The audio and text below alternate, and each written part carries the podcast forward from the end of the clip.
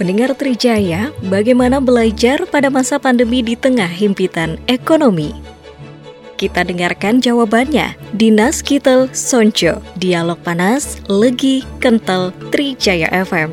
Bersama narasumber, Kisworo, Kepala Bidang SMP, Dinas Pendidikan Pemuda dan Olahraga Gunung Kidul.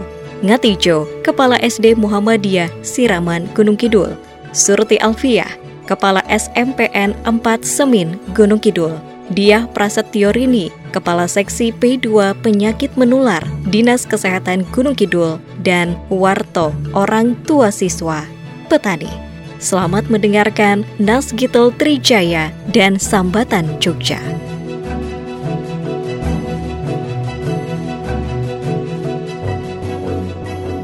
Pendengar Trijaya, saya Rimawan Pradityo, selaku inisiator Gerakan Sonjo atau Sambatan Jogja. Saat ini, Anda mendengarkan Naskitel Sonjo, diskusi panas, legi dan kendal bersama Sonjo. Acara ini hasil kerjasama antara Sonjo dan MNC Trijaya FM Yogyakarta. Berbagai aspek terkait dengan COVID-19 akan didiskusikan di acara ini.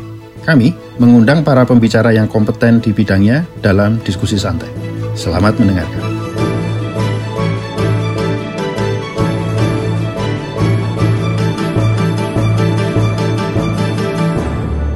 Bismillahirrahmanirrahim. Kita mulai. Assalamualaikum warahmatullahi wabarakatuh. Waalaikumsalam warahmatullahi wabarakatuh. Alhamdulillahirobbilalamin. Uh, puji dan syukur kita panjatkan kehadirat Allah Subhanahu wa taala, Tuhan yang Maha Kuasa. Di hari ini kita dipertemukan dalam kondisi yang insya Allah sehat walafiat ya. Tidak kurang suatu apa pun meskipun pertemuan kita laksanakan tidak seperti biasa tapi kalau sekarang sudah biasa ya hampir setahun kita melaksanakan pertemuan secara virtual seperti ini. Yeah. Uh, Alhamdulillah Bapak dan Ibu semuanya kita akan uh, sharing, akan berdiskusi tentang pembelajaran jarak jauh ya karena di Sonjo Angkringan ya Angkringan Sonjo ini sudah beberapa kali dilaksanakan diskusi ya sharing tentang pembelajaran jarak jauh. Pada kesempatan kali ini kita akan fokus ya, fokus tentang kendala ya belajar di masa pandemi pada anak-anak kita di tengah himpitan ekonomi begitu. Nah, uh, Bapak dan Ibu, uh, agar acara kita pada kesempatan kali ini berjalan dengan lancar, kita awali dulu dengan berdoa menurut agama dan kepercayaan kita masing-masing. Berdoa dipersilahkan. Cukup? Baik, Bapak dan Ibu yang saya hormati, tidak terasa ya, hampir setahun kita mengalami atau negeri kita ini e, mengalami kondisi yang sebenarnya sangat tidak mengenakkan gitu ya. Hampir setahun ini kita e, ada di kondisi pandemi sehingga banyak hal yang berubah, banyak hal yang berubah, banyak hal yang harus disesuaikan dalam tatanan kehidupan kita. Yang salah satunya adalah eh, yang paling terasakan dampaknya itu adalah tentang pembelajaran atau pendidikan anak-anak kita di sekolah gitu. Semuanya berubah, semuanya butuh penyesuaian dan saya kira eh, tidak hanya siswa yang terdampak tetapi orang tua, nah, orang tua siswa dan kita eh, saya sendiri dan para guru gitu ya dan termasuk dinas pendidikan, dinas kesehatan semuanya terdampak begitu. Sehingga eh, apa namanya ini memang perlu kita pikirkan dan saya kira permasalahan tetap akan selalu ada dan butuh solusi seperti itu. Di tahun ini di tahun 2021 harapannya kita bisa melaksanakan pembelajaran tatap muka akan tetapi sepertinya e, hal itu masih jauh gitu ya karena e, beberapa hari yang lalu keluar instruksi Menteri e, Dalam Negeri ya nomor 3 2001 2021 tentang uh, pemberlakuan pembatasan kegiatan masyarakat yang kemudian juga dilanjutkan dengan instruksi Gubernur Daerah Istimewa Yogyakarta tentang hal yang sama ya untuk uh, pengendalian coronavirus di negeri kita. Nah, hal itu tentu uh, mengakibatkan kegiatan BDR kita atau belajar dari rumah itu akan semakin panjang kita akan semakin lama gitu. Nah, tidak perlu berpanjang lebar saya kira marilah kita dengarkan dulu ya sesuai dengan tema kita kali ini kita akan mendengarkan curahan hati ya, dari orang tua gitu ya. Kalau biasanya kita mendengarkan curhatan itu dari ibu-ibu, kita dengarkan dulu curhatan dari bapak-bapak untuk kali ini ya tentang bagaimana e, mendampingi pembelajaran putra-putrinya di rumah, kendala dan hambatan e, ataupun berbagai hal yang terjadi selama pendampingan anak-anak di rumah. Nah, untuk itu monggo kepada Pak Wartong ya, Beliau akan mewakili dari perwakilan orang tua, nah, menyampaikan hal-hal ya yang terkait dengan pembelajaran anak-anak di rumah. Monggo Pak Warto, dipersilahkan sepenuhnya. Ya, Assalamualaikum warahmatullahi wabarakatuh. Waalaikumsalam warahmatullahi wabarakatuh. Bapak Ibu sekalian, narasumber ada dialog kesempatan malam hari ini karena informasinya waktunya terbatas untuk menyampaikan beberapa hal, jadi mungkin langsung saja kita ke permasalahan. Jadi mungkin bisa dikatakan saya mewakili dari uh, wali murid, ya, wali murid yang saat ini sedang menjalani program dari pemerintah yaitu BDR. Jadi kalau kita lihat dari kita dulu ke belakang, pada waktu awal-awal diberlakukannya BDR, jadi kurang lebih bulan Maret ya, bulan Maret itu sudah mulai uh, diadakan BDR, bahkan untuk awal pengurangan jam. Dan saya adalah salah satu dari uh, banyak orang yang mempunyai kekhawatiran yang amat sangat keberadaan COVID. Jadi pada waktu itu diberlakukan peraturan pemerintah untuk uh, mengurangi jam pelajaran dan akhirnya diberlakukan BDR itu saya senang sekali, saya sangat bergembira menerima program yang kita yang apa yang diberikan oleh pemerintah. Tapi dengan berjalannya waktu, bulan pertama kedua ya cukup nyaman ya cukup nyaman kita mendampingi anak-anak kita. Karena apa? E, model pembelajarannya juga masih apa? E, memang melalui WA group dari wali wali siswa. Ya. di sana guru menyampaikan e, tugas berupa foto. Kemudian mohon ini dikerjakan. Gitu. nanti hasilnya dilaporkan ya. Nanti hasilnya bisa difoto bisa uh, atau hanya sekedar laporan bahwa anak ini sudah mengerjakan. Nah, itu satu dua bulan berjalan. Dan saya selaku orang tua juga sedikit banyak bisa mendampingi ya bisa mendampingi walaupun ya sekedar memantau ya.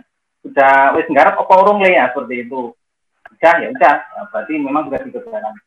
Uh, itu kemudian uh, dengan berjalannya waktu satu bulan dua bulan itu sudah nampak rasa kebosanan dari anak-anak. Ya. Jadi anak-anak itu sudah mulai merasa bosan dengan uh, cara belajar yang mereka lakukan.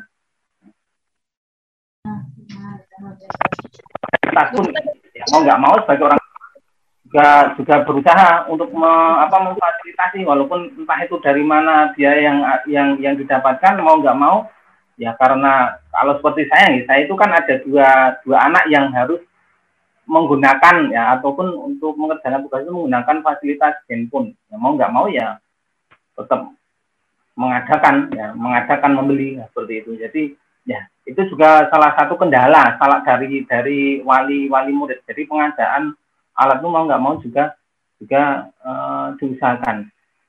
Nah, kemudian ya karena apa dunia anak sekarang dibandingkan dengan dunia anak yang dulu memang memang sangat jauh berbeda. Okay. Jadi uh, mungkin kalau anak zaman dulu ya, kalau saya ya, saya waktu itu mungkin masih sebagai anak-anak ya, dikasih nasihat orang tua itu ya nggih sendiko jauh istilahnya seperti itu. Jadi manut-manut saja. Tapi kalau anak sekarang ya, sangat berbeda sekali, sangat berbeda sekali. Apalagi, apalagi sudah mereka sudah pegang gadget sendiri, itu sangat berpengaruh sekali, bahkan pengaruhnya sangat buruk. Jadi eh, di samping kita itu tidak bisa apa eh, memberikan ataupun kalau mungkin profesi dari wali itu dia sebagai pengajar ya, saya kira mudah-mudahan saja memberikan eh, ataupun jika ada tugas dari sekolah yang membantu mengerjakan itu mungkin mungkin bagi yang punya profesi sebagai pengajar ya sudah yang biasa tapi kalau seperti saya dan uh, wali-wali murid yang lain yang di mana di situ profesinya bukan seorang pengajar ya saya yakin akan merasa kesulitan untuk memberikan ataupun membantu anak-anaknya dalam belajar. Paling cuma memantau sudah dikerjakan atau belum. Kalau jamnya sudah ya sudah kita nggak pernah ngecek. Yang penting kita sudah mengerjakan. Nah itu, jadi yang paling uh, apa ya, yang paling sangat tidak enak untuk uh, orang tua rasakan itu dampak negatif dari setelah dia pegang gadget. Mungkin nanti ke depannya kalau BDR ini sudah sudah tidak digunakan lagi dan sudah dilakukan tatap muka, saya itu juga merasa kekhawatiran. Bahkan kemarin uh, saya sempat ngobrol-ngobrol dengan guru, ya. saya sampaikan nanti kalau BDR ini sudah selesai dan dilakukan pelajaran tatap muka, saya yakin kesulitan dari para guru itu akan bertambah. Karena apa? Dari sebelum BDR dia mungkin ya, dia mungkin belum mengenal HP, walaupun mengenal mungkin hanya sekedar game pinjam punya orang tuanya untuk main game sederhana itu. Tapi karena setelah dia itu pegang sendiri, ya mau nggak mau dia apa sudah sudah mulai mulai mulai nopo uh, perhatiannya ke sekolahnya itu sudah berubah sudah berubah total nih. Jadi dari segi komunikasi dengan orang tua komunikasi dengan masyarakat komunikasi sosial dengan orang lain itu juga sudah sangat berbeda. Itu sangat prihatin sekali nih, melihat keseharian anak-anak itu pegang HP, main HP seharian penuh dia nggak kayaknya nggak ada rasa capek, ya, nggak ada rasa capek sama sekali. Ya. Tapi dengan tugas-tugas sekolah ya paling dia hanya sekedar menjalankan tugasnya sudah. Yang penting saya setor jawaban, entah itu benar entah itu tidak, dan saya selaku orang tua juga tidak bisa memantau. Ya. Itu yang dikerjakan sudah betul atau belum, saya juga nggak tahu karena apa. Ya. Karena dunia anak sekarang dengan dunia saya seperti saya dulu itu juga sangat berbeda tingkat pelajaran SMP SMP yang sekarang dan SMP saya dulu juga sangat sangat berbeda seperti itu jadi gini uh, saya selaku orang tua sebenarnya sangat prihatin sekali ini uh, kalau terus berkepanjangan program pemerintah BDR ini saya sangat khawatir dengan uh, masa depan anak-anak kita. Ini sangat sangat khawatir. Dulu sempat uh, pada bulan Juli ya itu kan rencana new normal. Itu sudah sudah sangat gembira sekali. Mudah-mudahan ini BDR sudah berakhir kemudian dilakukan tatap muka. Tapi ternyata masih diperpanjang lagi. Itu saya menambah rasa kekhawatiran saya. Bahkan apa nggih ngapun ini dari dinas kesehatan tidak ada. Aturan dari pemerintah sepertinya untuk kebijakan penerapan BDR itu ya apa nih tidak tidak sesuai dengan keadaan yang sebenarnya. Dulu pernah ada kasus satu siswa yang terkena COVID ya, kalau nggak salah di daerah Sari atau apa, mau dilakukan non normal, akhirnya tidak tidak jadi dilakukan, bahkan diperpanjang lagi untuk PDR-nya karena Pak ada salah satu siswa di daerah sana itu terkena. Kalau kita pikirkan secara logika nih, yang terkena itu daerah yang sangat jauh dengan daerah yang lain, bahkan itu mungkin uh, yang paling ujung ya daerah paling ujung. Masa satu Gunung Kidul ya itu dilakukan peraturan yang sama juga. Semua sekolah ditutup. Semua sekolah ditutup. Nah itu kayaknya kalau saya selaku orang tua ini ada maksud apa? Bahkan saya sampai berguru sangat seperti itu Bapak Ibu. Ya. Nah, jadi uh, mungkin ya mudah-mudahan karena ini untuk untuk pembatasan kegiatan masyarakat nah, itu sudah basisnya adalah uh, harapan saya selaku orang tua ya, untuk menerapkan BDR ini juga menyesuaikan dengan uh, seperti yang oleh pemerintah yang terbaru ini. Seperti dalam instruksi Bupati nomor 43 itu kan uh, sekarang zonasi itu berdasarkan. Untuk kalau bisa nih, kalau bisa.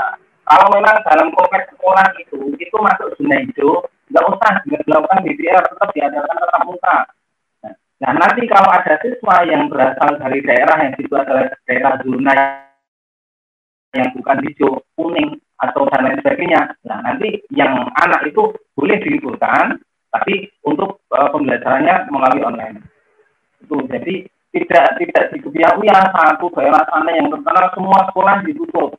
Nah ini sangat tidak logis bahkan yang namanya sekolah kan ya anak-anaknya cuma itu saja sudah jelas alamatnya mana, dia uh, dia berasal dari mana, orang tuanya siapa jelas. Ya.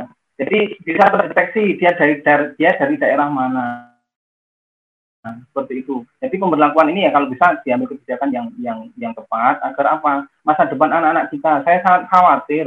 Mereka itu sudah mulai ketanduan dengan game online. Ya, dia sudah uh, komunikasi sekedar menjawab saja diberi tugas ya umpamanya eh ngelangi kayak guru yo seperti itu. Jamnya yo ya tapi dia nggak nggak berangkat seperti itu. Jadi Uh, mungkin itu keluh kesah sedikit keluh kesah yang yang saya sampaikan. Jadi yang mungkin kurang hati seorang wali murid ya seorang wali murid. Bahkan ya mungkin kalau ada satu dua tiga anak-anak yang tabiatnya itu masih tetap maksudnya masih sama seperti sebelum dilakukan BDR dengan setelah uh, pada saat BDR sekarang ini masih sama tabiatnya masih sama kebiasaan sama ya syukur alhamdulillah saya sangat gembira sekali tapi saya yakin nih, saya yakin sudah banyak perubahan, banyak yang berubah dari uh, sebelum dilakukan BDR dengan pada saat uh, sudah setahun ini uh, menerapkan BDR. Saya yakin banyak perubahan. Perubahannya bukan positif tapi negatif. Karena apa orang tua sekarang sudah anu, sudah apa? Sudah abai, betul sudah abai. Dia mungkin nih, uh, dia tidak berangkat ke sekolah ya karena BDR tadi, tapi dia main ke mana-mana. Ya itu nggak ada nggak ada bedanya nggak ada bedanya. Nah daripada main ke mana-mana kok ya ya sekolah di rumah kemudian kumpulnya di sekolah dia bisa komunikasi secara langsung meninggalkan dunia maya yang sudah uh, sudah lama digeluti bahkan hampir satu tahun ini mereka mereka geluti mungkin itu dulu bapak ibu. Ya nanti bisa disambung lagi uh, unek-unek yang bisa saya sampaikan terkait dengan diberlakukannya DDR ya. yang jelas kalau saya pribadi menilai sangat tidak efektif baik itu dari segi pen penularan dampak penularan COVID dengan uh, segi uh, efektif dalam hasil dari pembelajaran. Semua tidak efektif dari segi pembelajaran tidak efektif dari segi pencegahan penularan COVID juga tidak efektif karena anak-anak yang dulan tetap dulan walaupun acaranya BDR aturannya BDR dia tidak hanya di rumah tetap ke mana-mana. Dan orang tua sudah tidak bisa mengendalikan. Mungkin itu dulu Bu Ana uh, bisa sampaikan nanti mungkin bisa disambung lagi. Matur nuwun.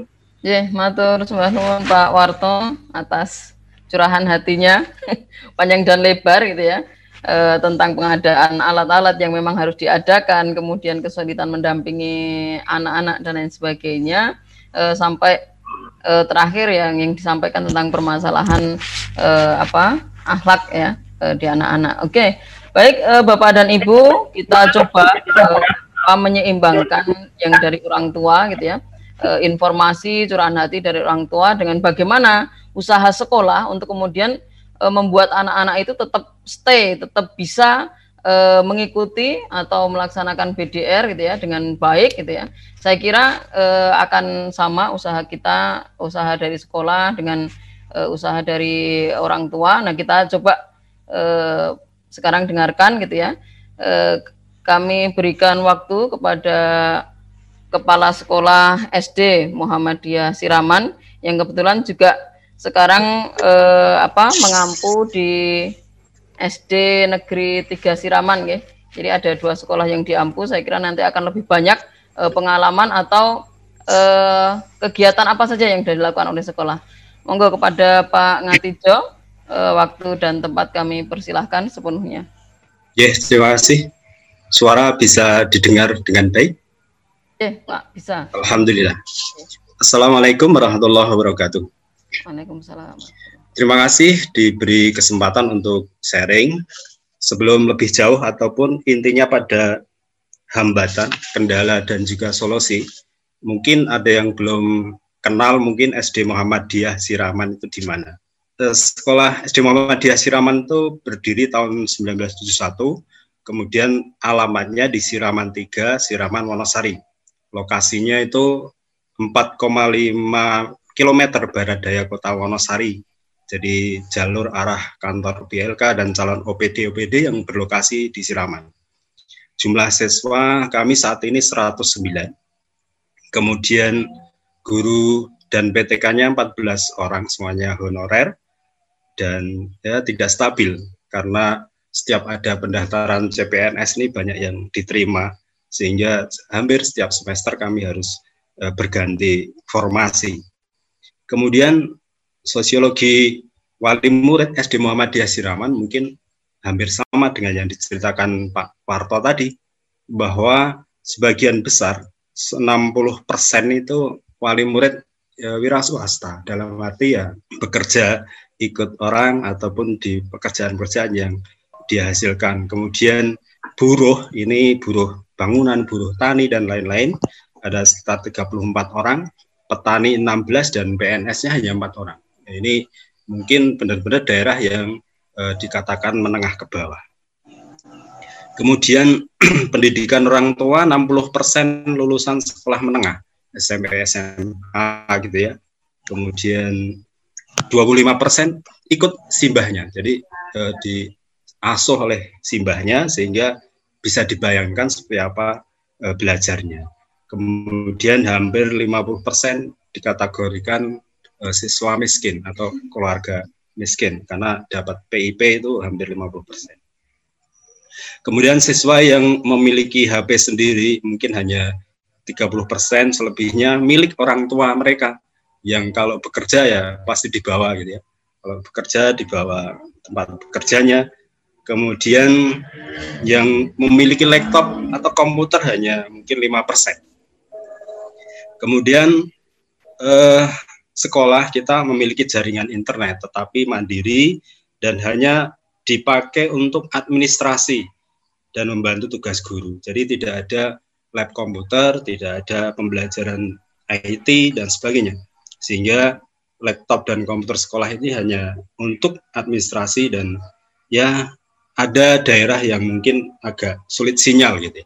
Ini beberapa hal yang mungkin mendasari nanti bagaimana uh, perjalanan dari BDR atau PJJ di SD Muhammad Siraman dan mungkin sedikit di Siraman 3. Bapak Ibu sekalian, peserta yang saya hormati, eh, sejak diterapkan belajar sistem belajar BDR atau jarak jauh sebagaimana disinggung tadi, baik daring maupun luring karena masa pandemi, segala kendala dan keterbatasan baik guru, murid, wali murid ataupun masyarakat untuk mengantisipasi eh, kegiatan atau BDR ini mau tidak mau harus siap, mau tidak mau harus melaksanakan karena yang diutamakan adalah keselamatan dari anak didik. Dan yang saya sampaikan mungkin tidak berlaku ini untuk untuk sekolah yang jaringannya kuat, sekolahnya yang bagus, wali muridnya yang sudah mulai IT dan sebagainya. Mungkin apa yang saya sampaikan tidak akan berlaku untuk itu. Dan mungkin akan berlaku untuk eh, sekolah-sekolah yang sederajat lah, senasib dengan SD di pinggiran kota di Kota Wonosari. Adapun beberapa kendala yang muncul ini bisa dari guru dan juga eh, masukan dari wali murid yang sering kita komunikasi. Yang pertama, tugas ini ya, tugas anak atau tugas guru saat dikirim atau jawaban balik dari siswa secara online terlambat. Bahkan berganti hari baru dikirim. Karena HP tadi dibawa orang tua bekerja atau blank spot atau memang sulit sinyal. Yang kedua, meskipun orang tua atau anak ini punya HP tapi spesifikasinya eh, tidak mendukung karena mungkin memori penyimpanan yang terbatas yang dimiliki orang tua eh, memorinya tidak bisa mendukung hal itu. Yang ketiga hambatan pengiriman tugas yang berupa foto ya, foto atau video kalau foto kadang gambar yang dikirim blur, tidak begitu jelas. Apalagi video ini sangat sangat sulit karena speknya yang yang yang penting bisa untuk komunikasi, bisa untuk uh, menerima saja. Kemudian kita kadang kita bel uh, orang tua atau anak itu uh, kehabisan paket, apalagi di musim panen ini mereka bawa ke bekerja dan sebagainya luar biasa. Jadi kami mengalami hal itu. Kemudian di samping apa yang disampaikan Pak Warto tadi bisa aja. Jadi anak ketika di rumah itu tidak bisa fokus belajar. Jadi apalagi mengerjakan tugas dan nunggu orang tuanya pulang. Nunggu orang tuanya pulang. Nah, itu tadi saya sampaikan yang dikirim bisa saja tengah malam atau besok ganti hari baru terkirim.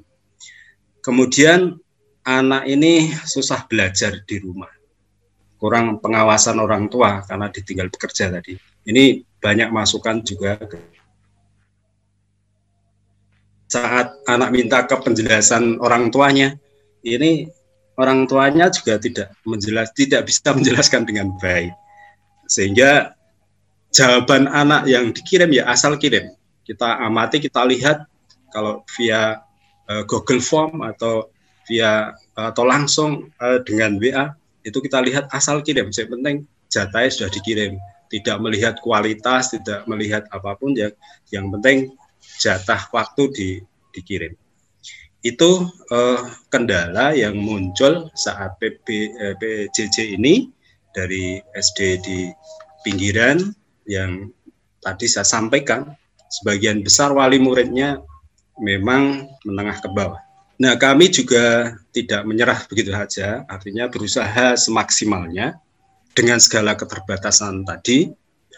Yang pertama, eh, dari sisi sekolah, kita setiap minimal itu akhir bulan, minimal ya, jadi bisa temporer, minimal akhir bulan kita mengadakan evaluasi, eh, evaluasi sekolah dan eh, dengan guru ini bagaimana eh, problem ataupun bagaimana eh, siswa atau orang tua ada balikan dan sebagainya problemnya apa.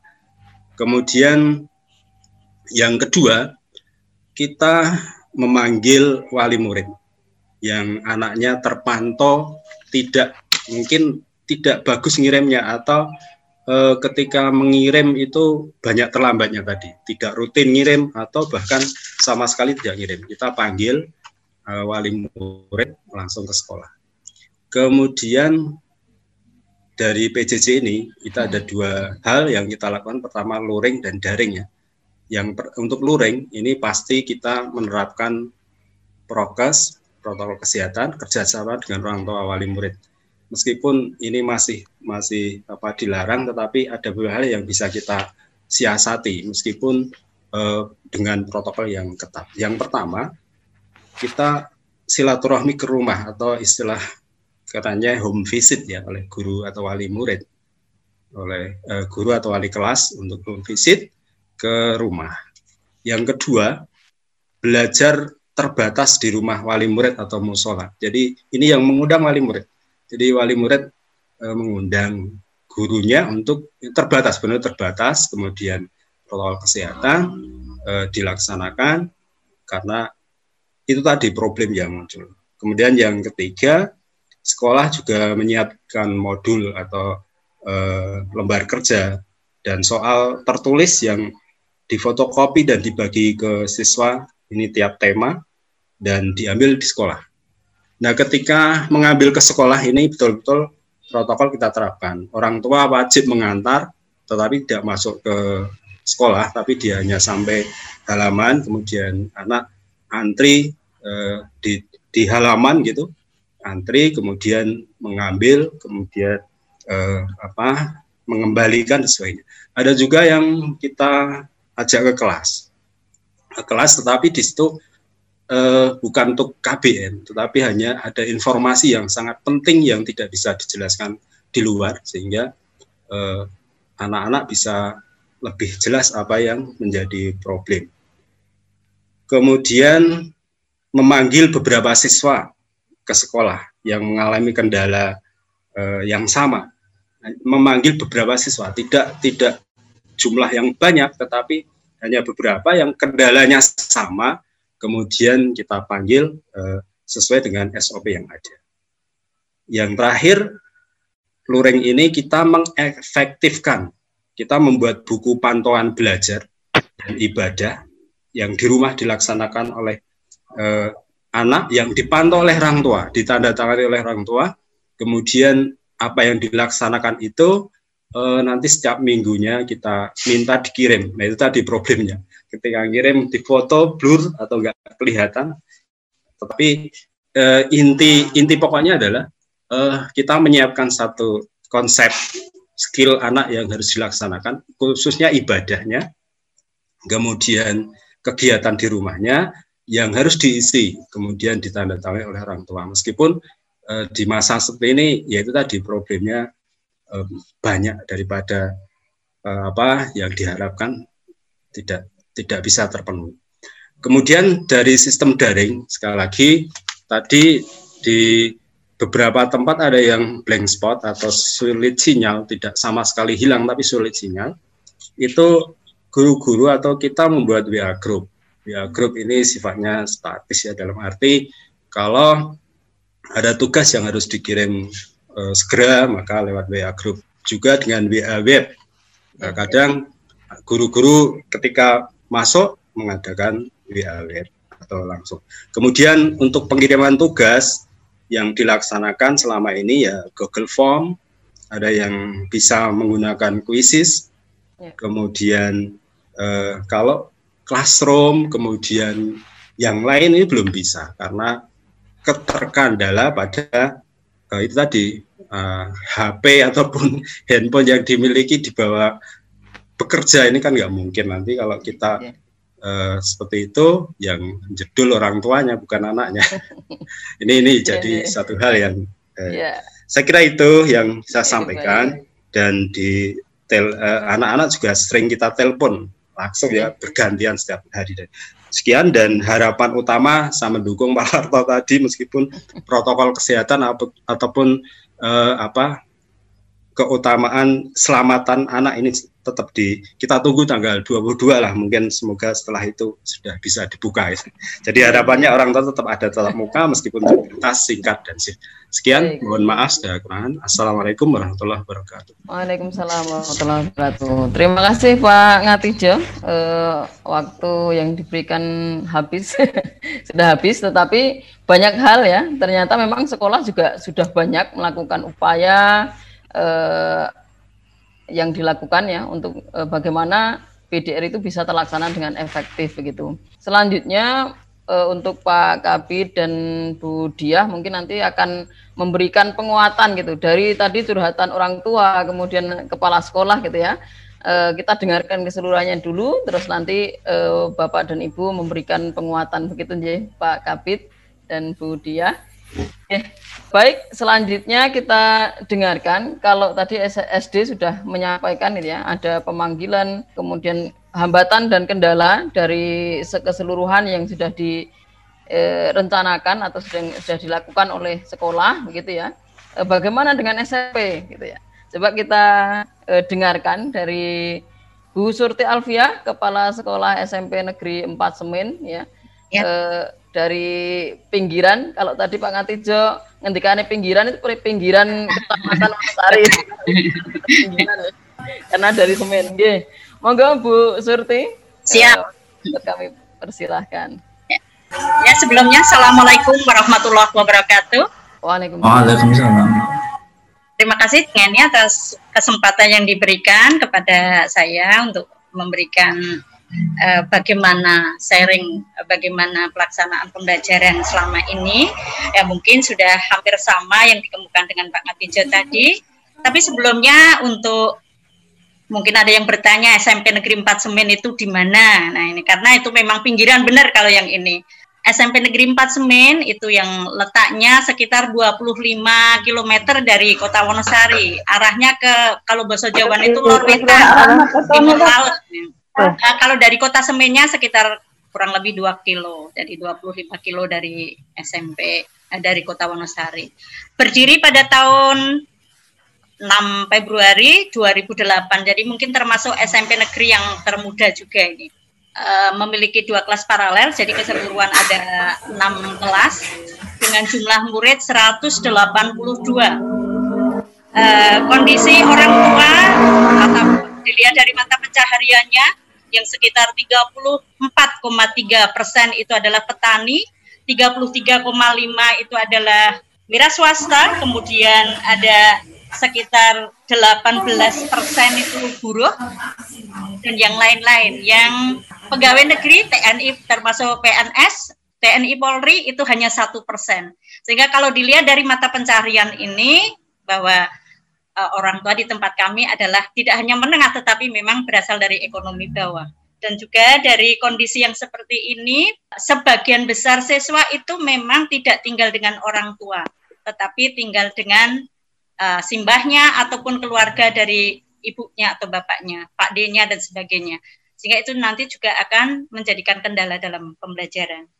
Itu tadi yang terkait dengan profil sekolah, kemudian terkait dengan pelaksanaan pembelajaran yang kami laksanakan, mungkin sama dengan sekolah lain, sejak bulan Maret 2020 kita terpaksa harus melaksanakan pembelajaran jarak jauh atau di rumah.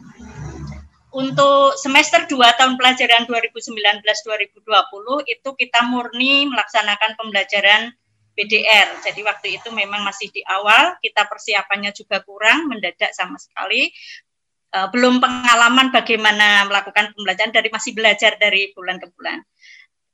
Kemudian setelah memasuki tahun ajaran 2020-2021 yang saat itu sebetulnya kita sudah mempersiapkan untuk melaksanakan tatap muka dengan memenuhi protokol kesehatan, mempersiapkan berbagai fasilitas untuk tatap muka ternyata juga masih belum dilaksanakan pembelajaran tatap muka.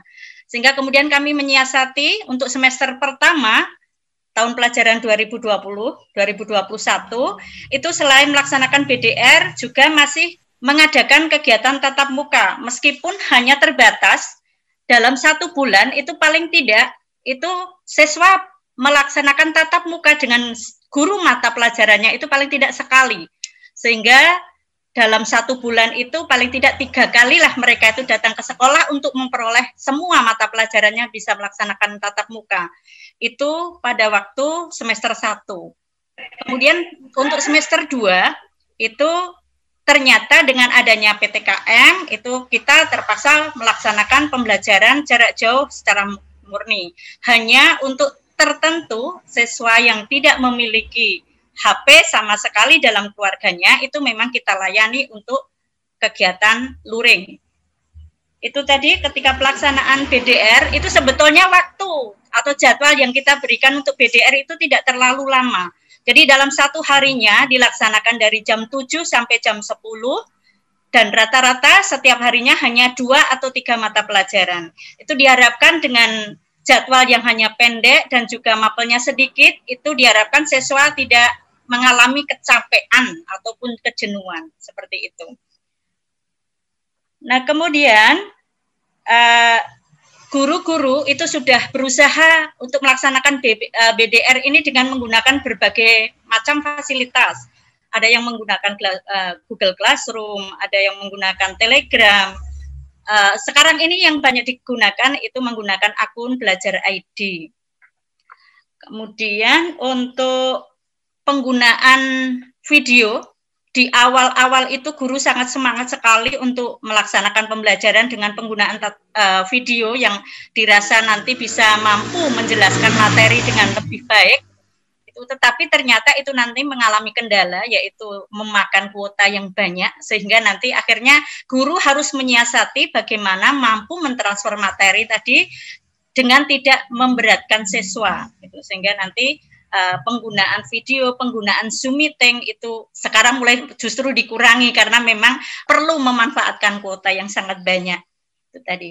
Kemudian di dalam pelaksanaan kegiatan ini untuk memantau kegiatan anak-anak itu keaktifannya dan juga untuk membantu orang tua untuk memantau kegiatan anak ini maka juga dibentuk selain grup siswa setiap kelas dipandu oleh wali kelasnya, itu kami juga membentuk grup-grup orang tua di mana di situ kita bisa melakukan komunikasi antara sekolah dengan orang tua terkait dengan kegiatan pembelajaran siswa, keaktifannya. Nah, di situ saya juga masuk ke semua grup untuk mengetahui uh, bagaimana pelaksanaan BDR setiap harinya. Itu tadi yang terkait dengan pelaksanaan BDR-nya. Kemudian untuk menunjang kegiatan BDR ini di awal semester uh, kami mempersiapkan untuk membagikan buku sehingga uh, ini perlu tatap muka, tetapi sangat dibatasi. Tatap muka untuk pembagian buku pelajaran yang akan digunakan selama satu semester untuk belajar di rumah. Ini kami lakukan di awal semester. Permasalahan yang kami hadapi setelah dilaksanakan BDR ini, yang utama adalah uh, tidak semua siswa memiliki fasilitas HP, Android maupun gadget. Kalaupun memiliki, itu akhirnya seperti yang dikatakan oleh Pak Ngatijo tadi bahwa speknya itu belum memenuhi. syarat atau standar untuk berbagai macam kegiatan. Itu tadi kendalanya. Uh, ketika kami akan memberikan bantuan pulsa, kami mendaftar siswa yang memiliki HP berapa.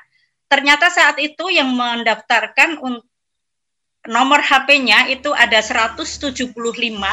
Kemudian yang tidak mendaftarkan itu tujuh orang karena jumlah siswa kami 182 tadi.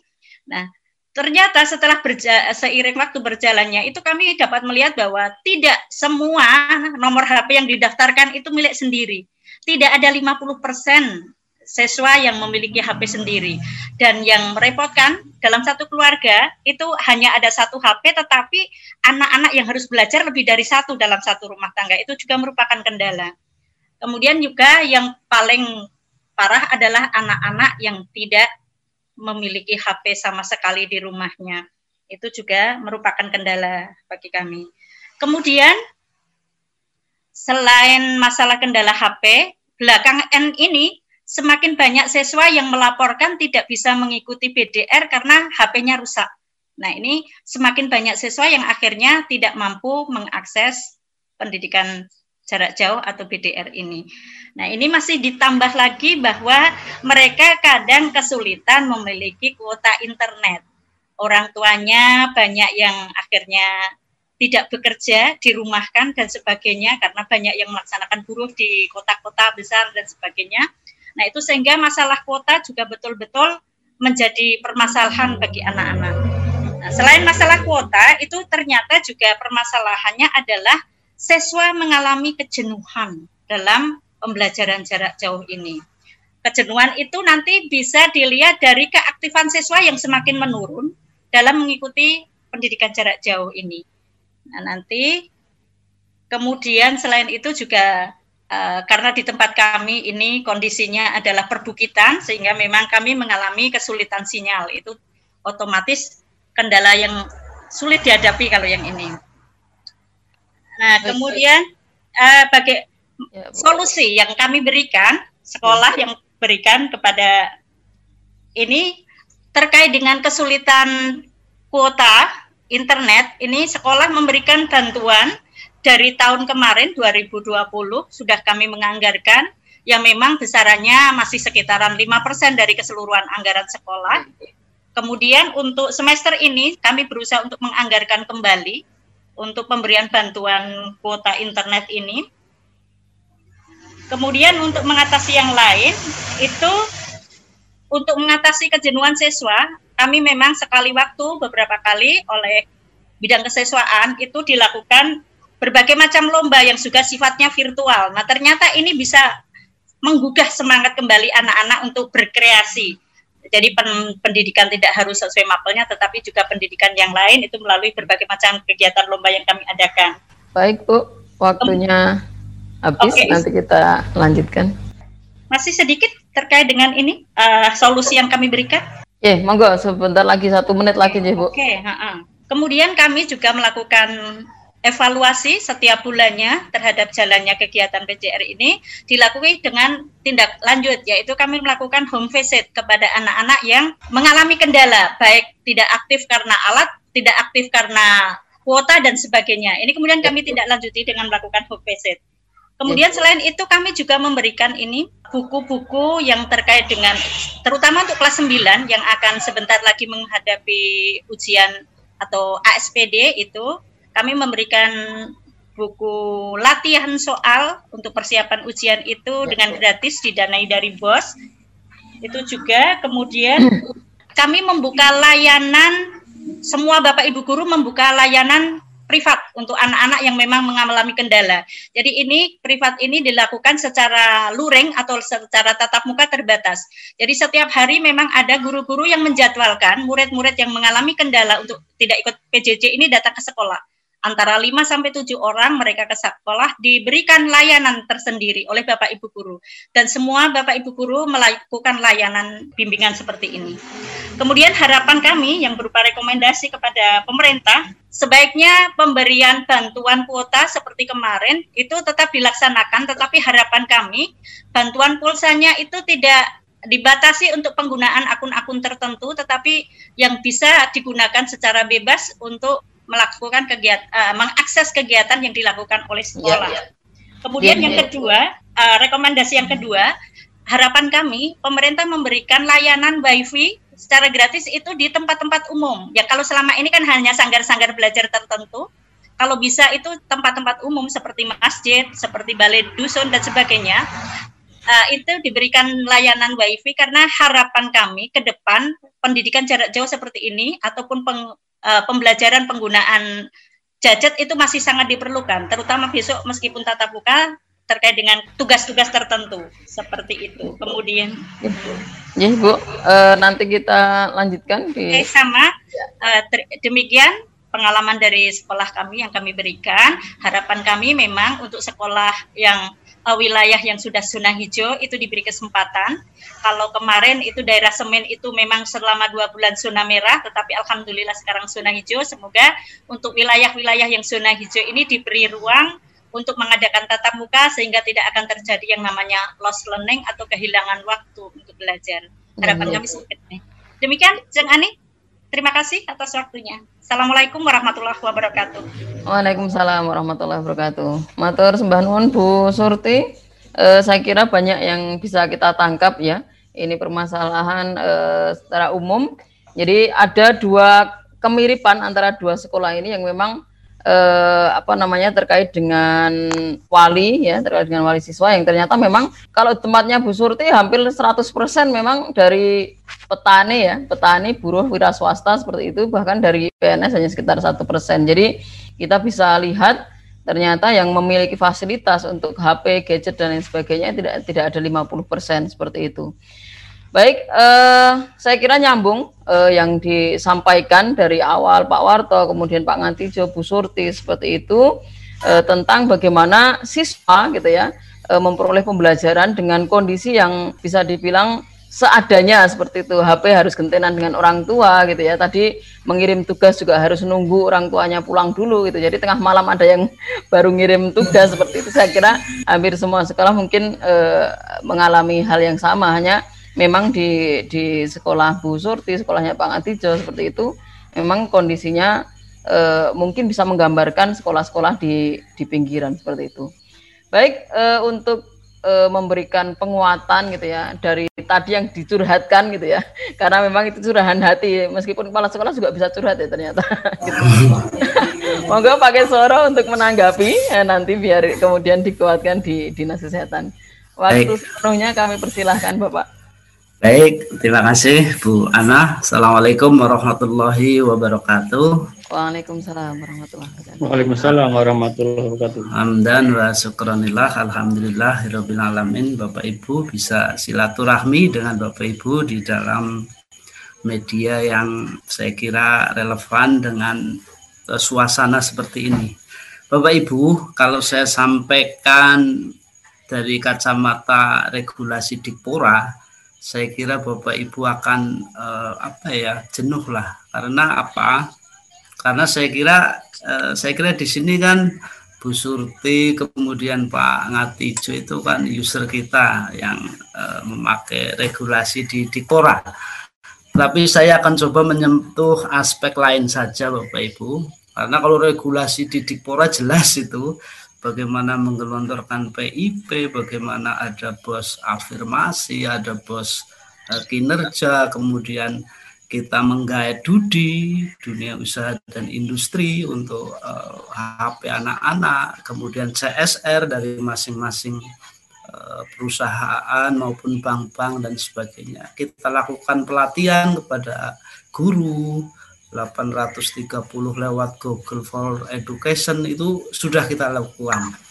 Yang uh, saya sentuh justru uh, sisi lain Bu Ana, jadi artinya uh, persoalan supaya uh, kita paham betul peta yang kita hadapi itu sebenarnya apa dalam posisi sekarang.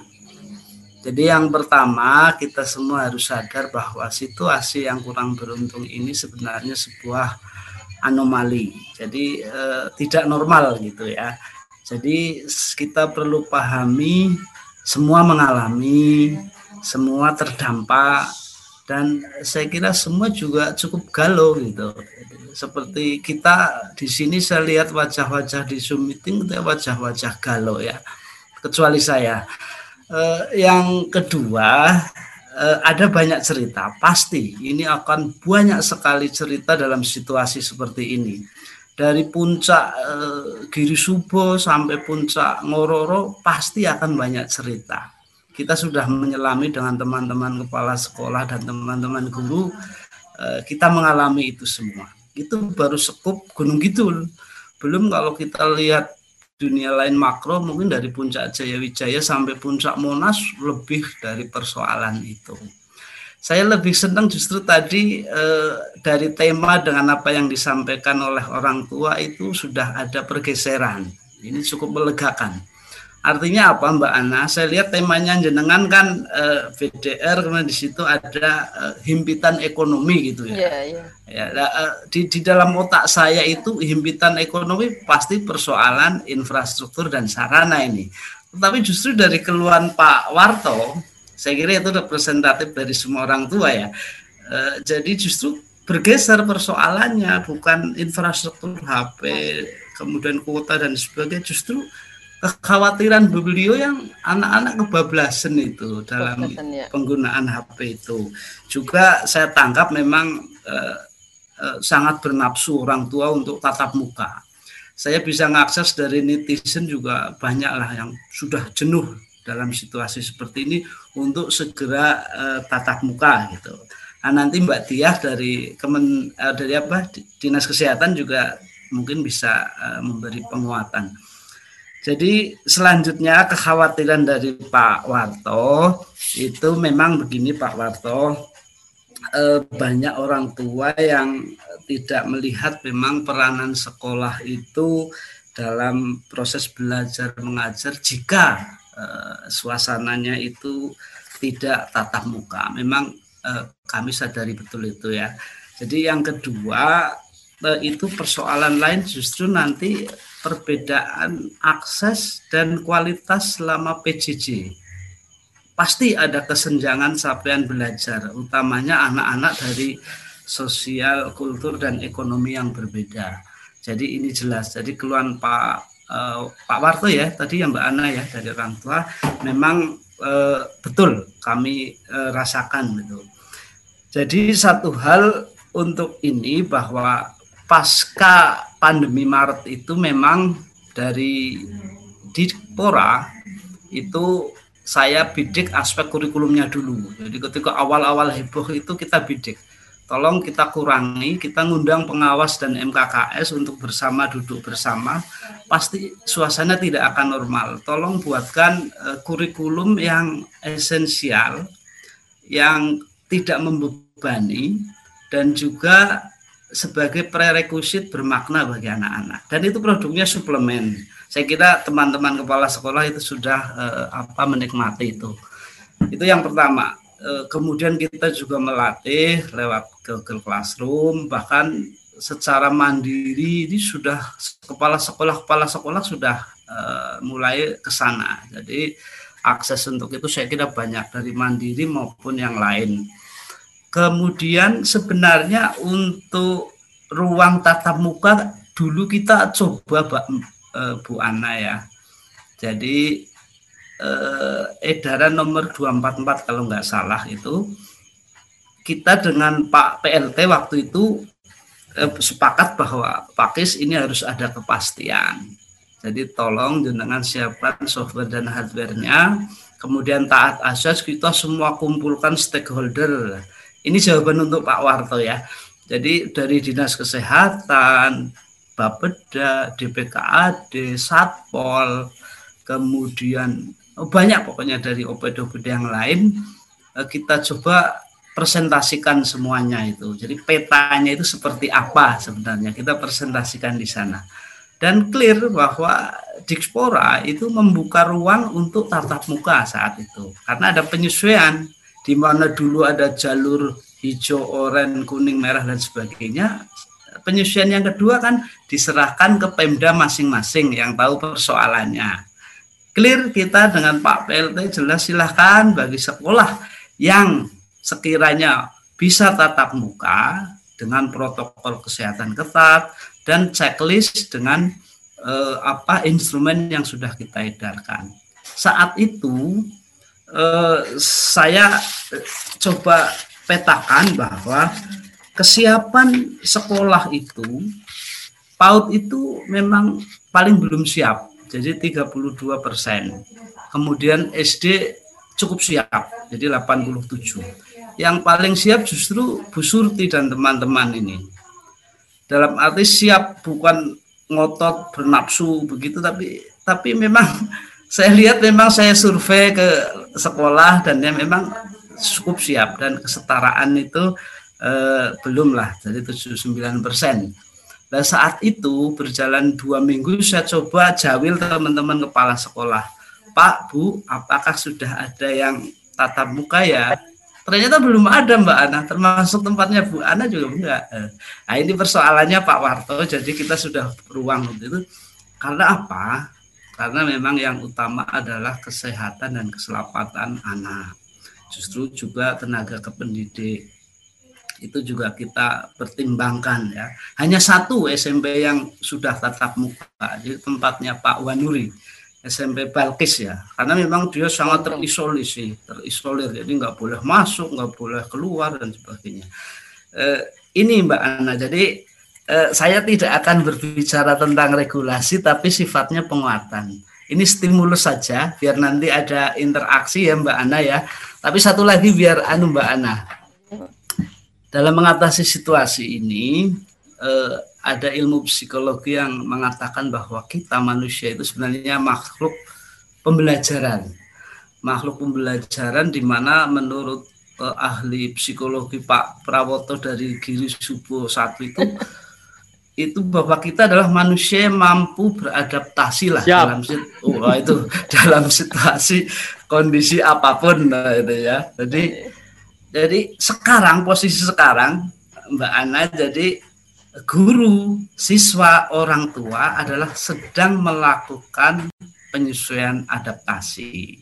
Ya, jadi ya. harapannya eh, siswa ya beradaptasi dengan regulasi dikpora pelatihan pelatihan itu penguatan guru juga beradaptasi dengan literasi digital itu dan orang tua juga sama beradaptasi bagaimana memberi empati ketika uh, mendampingi siswa. Karena apa, Mbak Ana? Jadi uh, ketika orang tua itu punya persepsi yang negatif, ini ternyata akan mempengaruhi anak saat belajar di situasi pandemi ini. Jadi kepanikan orang tua itu akan dilihat itu oleh anak. Nah ini justru anak lebih tertekan. Jadi ini, jadi harapannya adalah kita orang tua, kemudian guru dan sekolah itu sedang dalam proses adaptasi. Nanti punya daya lenting sendirilah ya. Kemudian bagi Pak Warto, kemudian yang lain-lain, jika ada persoalan di sekolah, sebenarnya sekolah sudah punya uh, sistem yang rapi ya. Jadi di situ ada uh, guru bimbingan konseling, kemudian ada kesiswaan, ada wali kelas, di situlah ruang untuk komunikasi persoalan-persoalan yang ada. Jadi saya kira itu Mbak Ana dari saya sifatnya penguatan. Kalau masalah regulasi nanti kita tanyakan bisa. Jadi PIP di Gunung Kidul itu SMP aja aja 17 ribu. Jadi itu untuk ya. suplai apa ya Eh, kuota kalau memang itu. Jadi jangan untuk beli rokok bapaknya atau untuk jagung tapi untuk anak ya. Itu PIP. Iya. Kemudian dari eh, apa kemarin kita coba lewat BPD itu ada 50 anak kita dapat beasiswa. Jadi SD itu 30 karena yang banyak SMP hanya 10. Belum bantuan sosial itu ada 613 eh, sekolah eh, anak bukan maaf anak. Dan itu masing-masing 500 eh, dengan dunia usaha juga kita coba kemarin SAP itu eh, Chromebook dan HP juga terdistribusi juga. Belum lagi konafirmasi dan kinerja bosnya. Saya kira itu Mbak Ana ya. Ini ya. bukan bercerita regulasi nanti Bapak Ibu malah bosen, tapi kita curhat bareng lah ya Bapak Ibu. Ya, ya. Saya kira itu Mbak Ana. Assalamualaikum ya, warahmatullahi wabarakatuh. Waalaikumsalam warahmatullahi wabarakatuh. Menarik Pak. Uh, banyak sebenarnya tadi di akhir itu ya sebenarnya yang paling di garis bawah gitu. Jadi sebenarnya hmm. sudah banyak PIP bansos yang diberikan yeah, gitu. Yeah. Jadi untuk HP dan lain sebagainya sebenarnya sudah bisa beli ya Pak. Iya iya bahkan cerita di SMP 2 itu tempatnya Pak Pur urunan untuk beli apa inventaris HP di sekolah itu ada juga iya. begitu mungkin ini brainstorm apa bisa best practice lah teman-teman. Jadi ya. ceritanya banyak pokoknya Bu Ana. Saya banyak hargai pandemi ini, ya, ya hargai teman-teman yang punya kreativitas, inovasi di dalam layanan terhadap anak-anak. Betul, gitu, betul. Ya. Yeah, sepertinya memang setiap sekolah akhirnya kreatif ya, termasuk betul. orang tua saya kira nggih. Yeah, Karena yeah. tadi disampaikan Bapak gitu di akhir jadi bahwa semuanya akhirnya harus beradaptasi begitu. Guru ya, ya. beradaptasi, yeah, sekolah beradaptasi, orang tua juga harus beradaptasi kalau urusan emosi memang ya emosi kabeh. ya, emosi jiwa ya. emosi jiwa sepertinya seperti ya. itu. Baik, ya. Baik, uh, uh, kita lanjutkan dulu sebelum nanti kita tanya jawab ya. Uh, sudah ada 66 partisipan termasuk yang streaming di YouTube lumayan banyak ya. Nanti uh, dari tim ada yang membacakan kalau ada yang bertanya via YouTube gitu. Kita lanjutkan dulu uh, ke Bu Diah ya beliau kasih P2 eh, pencegahan penyakit menular nih, di Dinas Kesehatan ya. Eh, waktu sepenuhnya kami persilahkan monggo Bu Dia. Eh, matur nuwun Mbak Ana. Assalamualaikum warahmatullahi wabarakatuh. Waalaikumsalam warahmatullahi wabarakatuh. Bapak Ibu partisipan yang saya hormati, terima kasih pada panitia karena sudah diberikan kesempatan dan tadi beberapa pembicara menarik semua dan semua sebetulnya kalau uh, bisa kita mungkin sedikit ditarik kesimpulan inginnya tatap muka seperti itu. Tapi sebelum nanti uh, J, jadi nanti sebelum apa yang akan diambil nih terutama untuk Dikpora, mungkin saya perlu uh, menyampaikan beberapa hal terkait dengan COVID ini, nggih. karena COVID ini kalau kita tahu sebetulnya sudah hampir satu tahun kalau di Gunung Kidul. Jadi hmm. kasus pertama kali muncul itu di bulan Maret 2020. Dan pertama kali muncul itu di Kapanewon Ponjong. Dan untuk saat ini memang kasusnya sudah di angka 1757 per hari ini.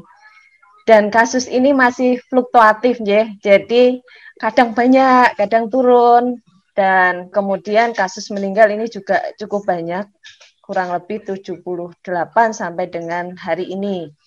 Kemudian Bapak Ibu yang tadi menarik juga untuk mungkin nanti untuk dibahas adalah bahwa tadi disampaikan oleh Bu Ana, kita sudah mempunyai dasar instruksi Mendagri nomor 3, kemudian instruksi gubernur nomor 5 dan Instruksi Bupati nomor 443 yaitu tentang pemberlakuan pembatasan kegiatan masyarakat atau PPKM Mikro. Jadi kalau kita bicara tentang PPKM Mikro itu adalah sebetulnya masing-masing daerah, masing-masing kapanewon, kemudian kalurahan, kemudian padukuan itu nanti zonasinya akan berbeda.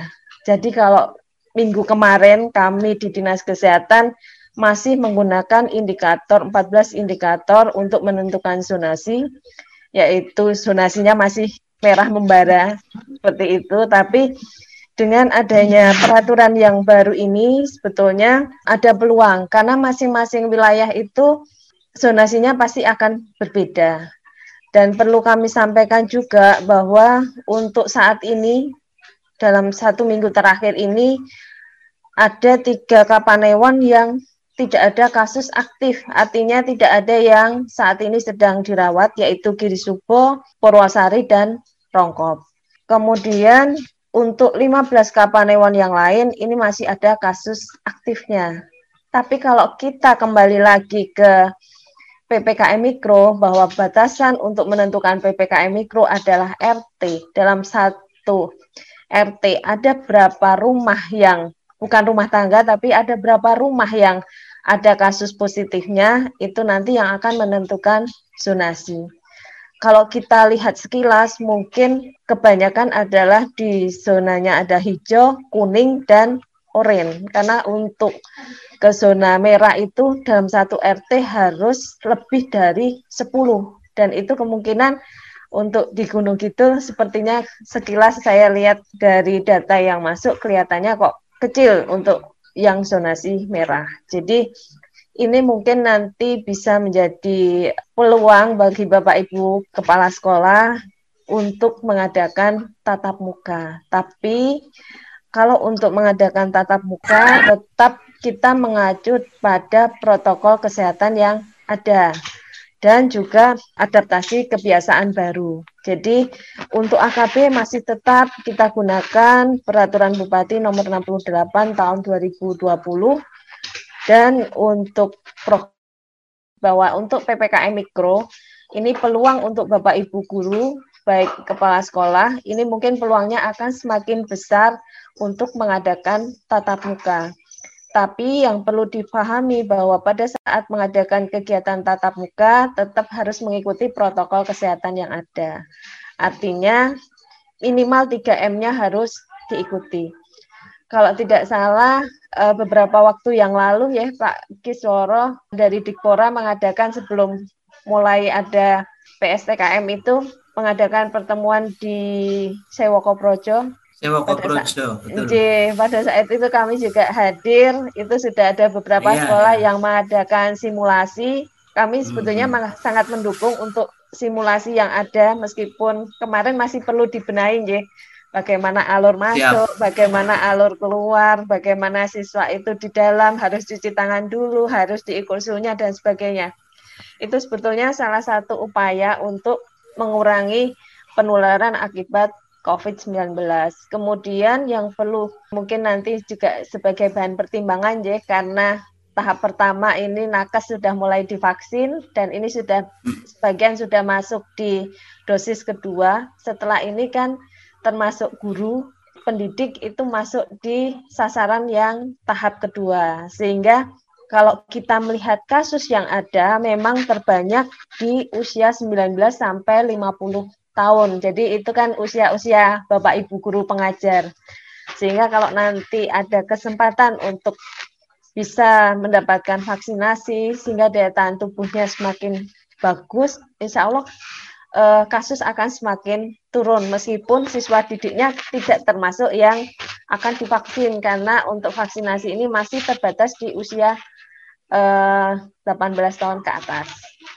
Kemudian Bapak Ibu yang perlu kami sampaikan lagi bahwa untuk di Gunung Kidul untuk kasus sampai saat ini meskipun sudah semoga ini sudah mulai terkendali sudah mulai terkendali. Harapannya tetap nanti kalau Bapak Ibu akan mengadakan tatap muka, mohon tetap diperhatikan koordinasi dengan gugus Kapanewon.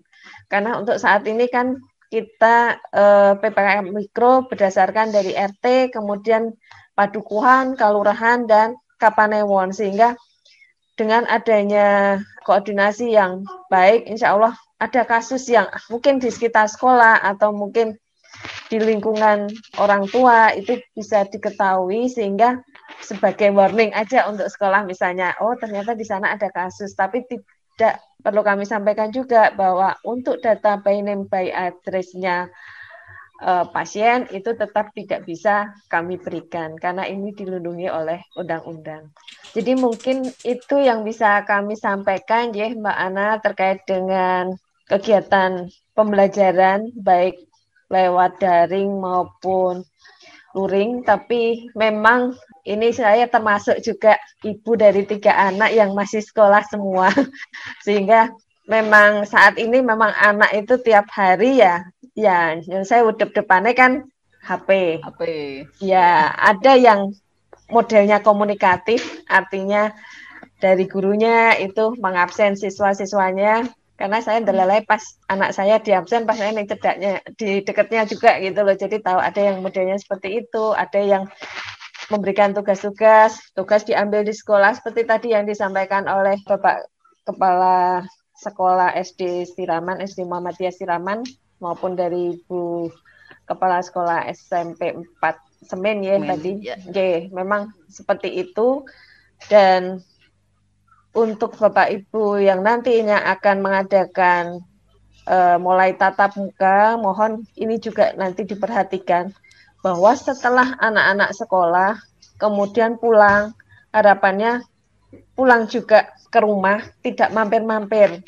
Karena kadang-kadang kalau sudah ketemu koncone, lama nggak ketemu, kesempatan, terus bulan. Kemudian yang kedua juga mungkin yang perlu nanti disampaikan ke siswa didik maupun orang tua bahwa setelah sampai di rumah baju seragam dilepas ganti baju. Lebih baik lagi kalau misalnya kalau cuci tangan itu wajib, tapi misalnya memungkinkan sampai di rumah mandi ganti baju itu lebih uh, lebih apa mungkin lebih baik lagi kalau bisa seperti itu. Kemudian uh, sebelum kami akhiri, mungkin yang 3M adalah memakai masker, kemudian mencuci tangan, menjaga jarak, dan untuk yang ada sebagian yang menambahkan untuk 2M-nya yaitu menghindari kerumunan dan mengurangi mobilitas. Jadi itu beberapa hal yang mungkin nanti bisa menjadi bahan pertimbangan Bapak Ibu kepala sekolah semua untuk mengadakan kegiatan tatap muka bagi siswa didiknya untuk mungkin video yang kemarin sudah dipersiapkan oleh beberapa sekolah itu mungkin bisa menjadi bahan acuan. Bahan acuan bagaimana siswa itu masuk lewat jalur mana pulangnya lewat mana jadi nggak ada uh, istilahnya nggak ada interaksi antara yang masuk dan yang keluar.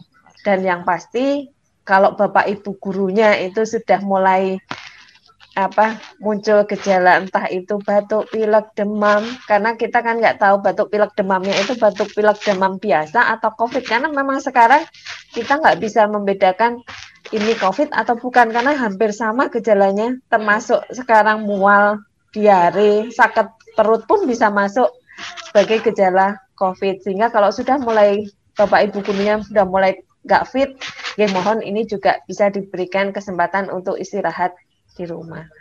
Oke, mungkin itu yang bisa kami sampaikan. Banyak kurangnya kami mohon maaf. Terima kasih. Assalamualaikum warahmatullahi wabarakatuh. Waalaikumsalam warahmatullahi wabarakatuh. E, Matur nuwun Bu Diah ya sudah dikuatkan gitu ya. Sebenarnya e, mungkin harapan gitu ya dari kelima pembicara kita malam hari ini hampir sama gitu ya. Kita kepengen tatap muka saja nih. Sekolahnya kepengen tatap muka gitu. Bu dokter pun juga sama punya tiga putra yang apa bersekolah juga gitu ya, yang kemudian juga harus diawasi juga ketika harus mengerjakan soal, harus absen dan lain sebagainya. Nah, ini kembali lagi gitu ya, kembali lagi bahwa eh, kita menunggu regulasi, ya, menunggu aturan dan yang jelas kalau kesiapan sekolah mungkin banyak yang siap ya Pak Ges nih, Pak Kabin, karena kita sudah sudah sering sekali yeah. diberikan ya diberikan isian. Ya, ya. diberikan isian sudah siap atau belum bahkan sudah di ini ke sekolah gitu ya supervisi ke sekolah untuk kesiapannya. Baik eh, bapak dan ibu semuanya eh, saya kira kita sekarang eh, saatnya untuk sharing. Monggo eh, ada tanya jawab ya. Eh, Pak Triwijaya dari tadi resen apakah bertanya atau kepencet ya? Pak Triwijaya monggo. ya. Ya, terima kasih. Ya memang kalau memang pembelajaran itu suatu dilema ya di suatu karena memang kalau beberapa yang saya baca itu ternyata efeknya untuk daring itu lebih jelek gitu loh. Nah, nah ini kan harusnya perlu disiasati apalagi dengan adanya uh, apa itu PSBB yang mikro ini kan perlu disikapi dengan bijak kemudian bagaimana kita bisa uh, apa itu orang tua itu bisa memahami guru itu juga bekerja juga. Bekerja itu maksudnya mempersiapkan materi-materi online. Nah ini harus ada suatu win-win solution. Win-win solution itu harus betul-betul bisa kita bagaimana kita mengemas itu agar daringnya itu bisa menarik dan bisa masuk ke dalam apa itu apa yang diajarkan bisa apa bisa masuk dan bisa diimplementasikan. Tidak hanya tugasnya ditarik terus tapi mereka pemahamannya tingkat pemahamannya kurang. Nah ini perlu suatu suatu kinerja atau suatu inovasi uh, para guru untuk membuat hal tersebut.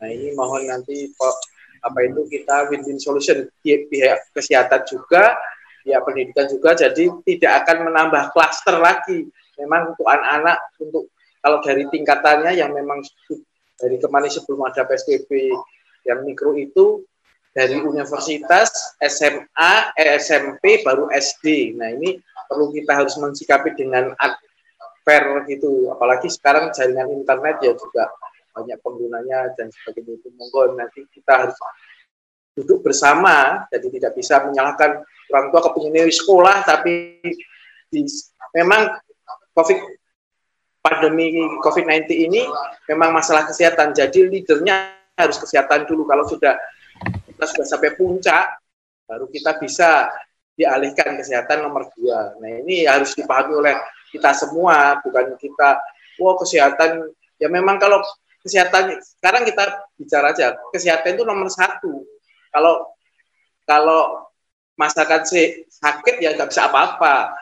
Kalau balik kalau masyarakatnya nggak bisa kerja, terus nggak bisa makan, sakit dan sebagainya. Itu perlu dipahami bahwa di suatu di, uh, di pandemi ini memang kesehatan nomor satu itu harus di harus dipahami. Jadi tidak bisa disalahkan. Itu. Terima kasih. Assalamualaikum warahmatullahi wabarakatuh.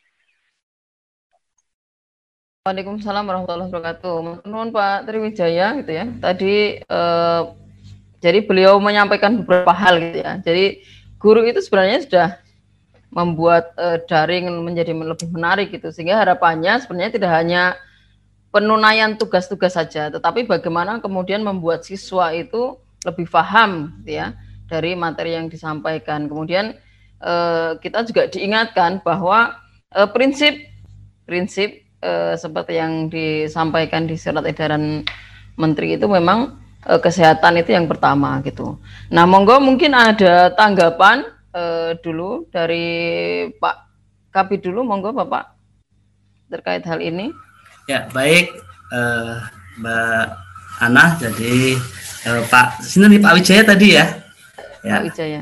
Ya, jadi uh, berkaitan dengan efektivitas PJJ ada terminologi baru di dalam daring ini bagi Bapak Ibu di uh, dunia pendidikan apa yang disebut dengan uh, eh, LMS jadi Learning Management System itu.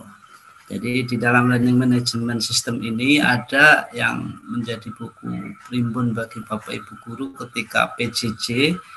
Jadi guru itu yang pertama itu harus mampu bagaimana uh, membuat PJJ itu yang pertama itu menaruh kontennya. Nah, itu harus didesain. Jadi kalau dulu RPP lah gitu ya. Jadi desainnya bagaimana nanti itu penting. Jadi ini juga ini yang disebut adaptasi Mbak Ana ya. Jadi LMS itu adalah rohnya dari PJJ itu itu. Jadi Learning Management System. Kemudian kalau sudah bisa menaruh, tolong bagaimana menyampaikan bahan isu itu yang menarik gitu di dalam konten uh, digital itu. Kemudian di situ ada ruang interaksi mestinya antara guru dan siswa. Jadi ya, interaksi. Kemudian ada evaluasinya, walaupun sederhana itu mesti harus ada ya. Dan di sisi lain juga penting adalah umpan balik. Jadi eh, ini sebenarnya roh dari eh, apa PJJ itu. Jadi learning management system itu harus dikuasai. Nah, dalam rangka hmm, guru secara bertahap itu menguasai seperti ini, kita coba supaya mereka tidak sendirian Mbak Ana. Jadi kita coba melakukan eh, apa literasi penguatan. Jadi 830 saya kira sudah dijamah oleh Google for Education bahkan tanggal 17 eh, kalau nggak salah 18 ini nanti juga ada pelatihan juga eh, dari PGRI Gunung Kidul kalau nggak salah itu bekerja sama dengan Dipora untuk melakukan pelatihan-pelatihan seperti ini. Jadi rohnya itu memang uh, adalah bagaimana adaptasi guru dengan literat digital ini apa yang disebut dengan learning management system itu dikuasai. Jadi apa yang disampaikan loss learning itu berkurangnya pengetahuan dan keterampilan secara akademis yang sangat berkurang itu bisa diminimalisir. Jadi ini, jadi konteks ruang dan waktu itu guru memang ya uh, virtual gitu. Jadi ketika ada anasir-anasir karena banyak juga keluhan secara psikologis dari teman-teman guru ada anasir-anasir dari masyarakat yang dengan tanda petik itu sedikit mendiskreditkan Bapak Ibu guru.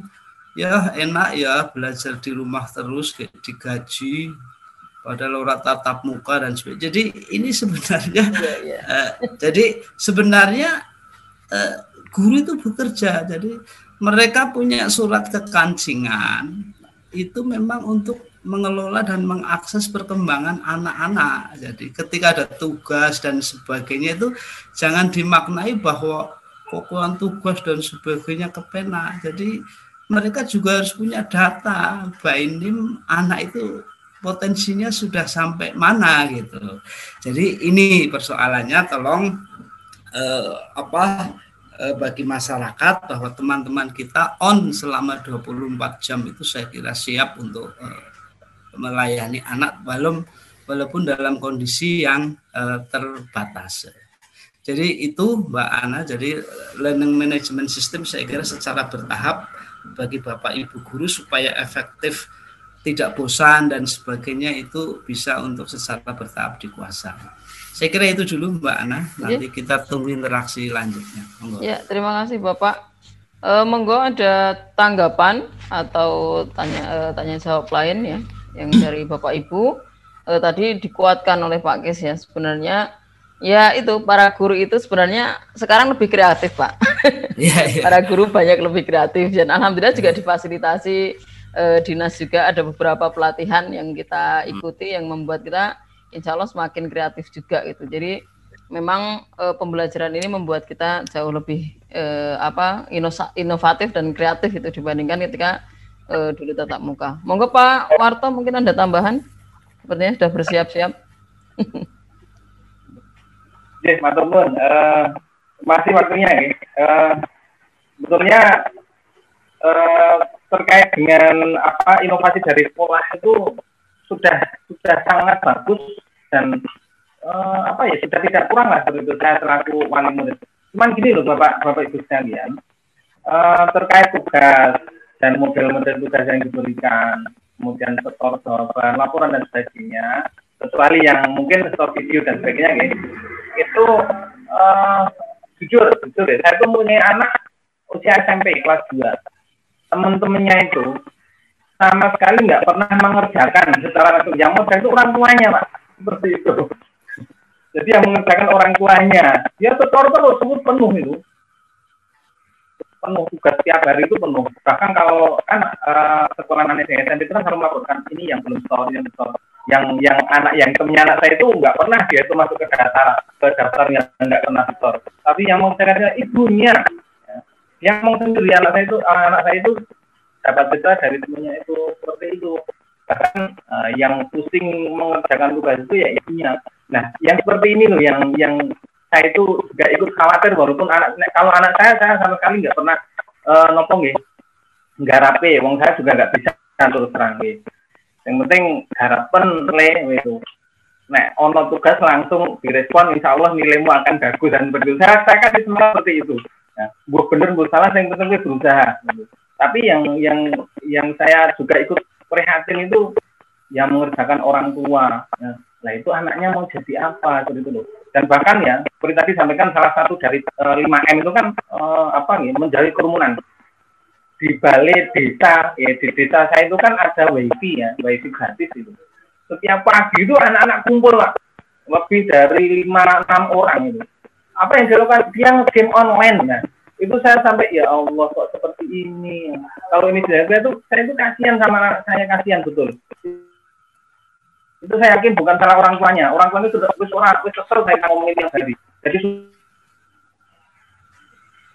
ngobrol-ngobrol dari ini BDR kok malah game online nah seperti itu. Itu yang saya prihatinkan pak. Jadi efek efek dari BDR itu bukan hanya apa ya kurangnya uh, pencapaian akademiknya si anak tapi juga efek-efek yang lain itu pak ya yang mungkin perlu dipertimbangkan lagi dia dia harusnya BDR di rumah menjauhi kerumunan ya. Tapi dia tetap berkerumun bahkan dengan orang-orang yang lain dengan orang-orang dari berbagai berbagai tempat karena itu ada wifi gratis. Seperti itu nah, itu itu dulu ya itu dulu yang anu uh, saya sampaikan. Monggo. Ya. Ya, matur nuwun Pak Warto. Wah, temuan baru ini, Pak. Jadi ternyata tugas banyak yang dikerjakan orang tua ini, Pak. Kita memang uh, ini ya apa namanya di sekolah juga tidak tidak bisa memantau secara langsung ini tugasnya siapa yang mengerjakan begitu karena memang ya, tadi ini saya malah khawatir ini Pak Warto jangan-jangan iri karena beliau nggak bisa nggak bisa mengerjakan tugasnya angel gitu ya. Baik, uh, ini saya kira juga perlu ditanggapi gitu uh, Bapak Ibu kepala sekolah gitu ya terkait dengan Tadi ternyata juga banyak kerumunan. Saya kira tadi kerumunan di balai desa itu mereka mengerjakan tugas karena nggak ada sinyal di rumah gitu. Ternyata nyari sinyal untuk game online itu juga untuk ngegame online gitu. Monggo Bu Surti atau Pak Ngatijo untuk uh, menanggapi terlebih dahulu. Bu Surti dulu.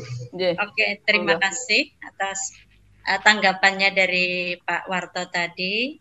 Ya memang uh, sekolah memang tidak bisa memantau anak-anak semua kegiatan yang berada di rumah itu tentu saja mengalami kesulitan dan juga uh, tadi untuk mengantisipasi agar pekerjaan yang seharusnya dikerjakan anak itu dikerjakan oleh orang tua.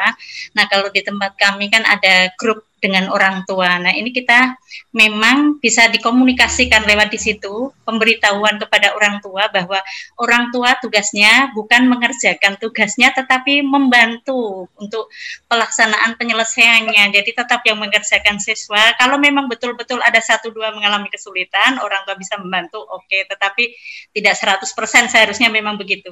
Nah, sebaiknya memang uh, grup-grup seperti ini dimanfaatkan karena memang tidak bisa langsung melakukan tatap muka dengan orang tua.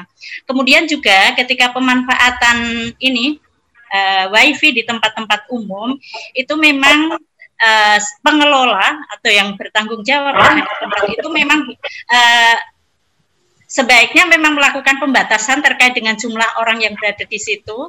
Kalaupun memang ada uh, beberapa orang itu memang diharapkan untuk tetap menggunakan protokol kesehatan tadi, tetap penggunaan masker, ada jaga jarak, dan harapan kami memang itu penggunaan wifi wifi di tempat umum itu sangat membantu untuk anak-anak yang memang tidak memiliki kuota di rumahnya terbatas karena kondisi ekonomi begitu.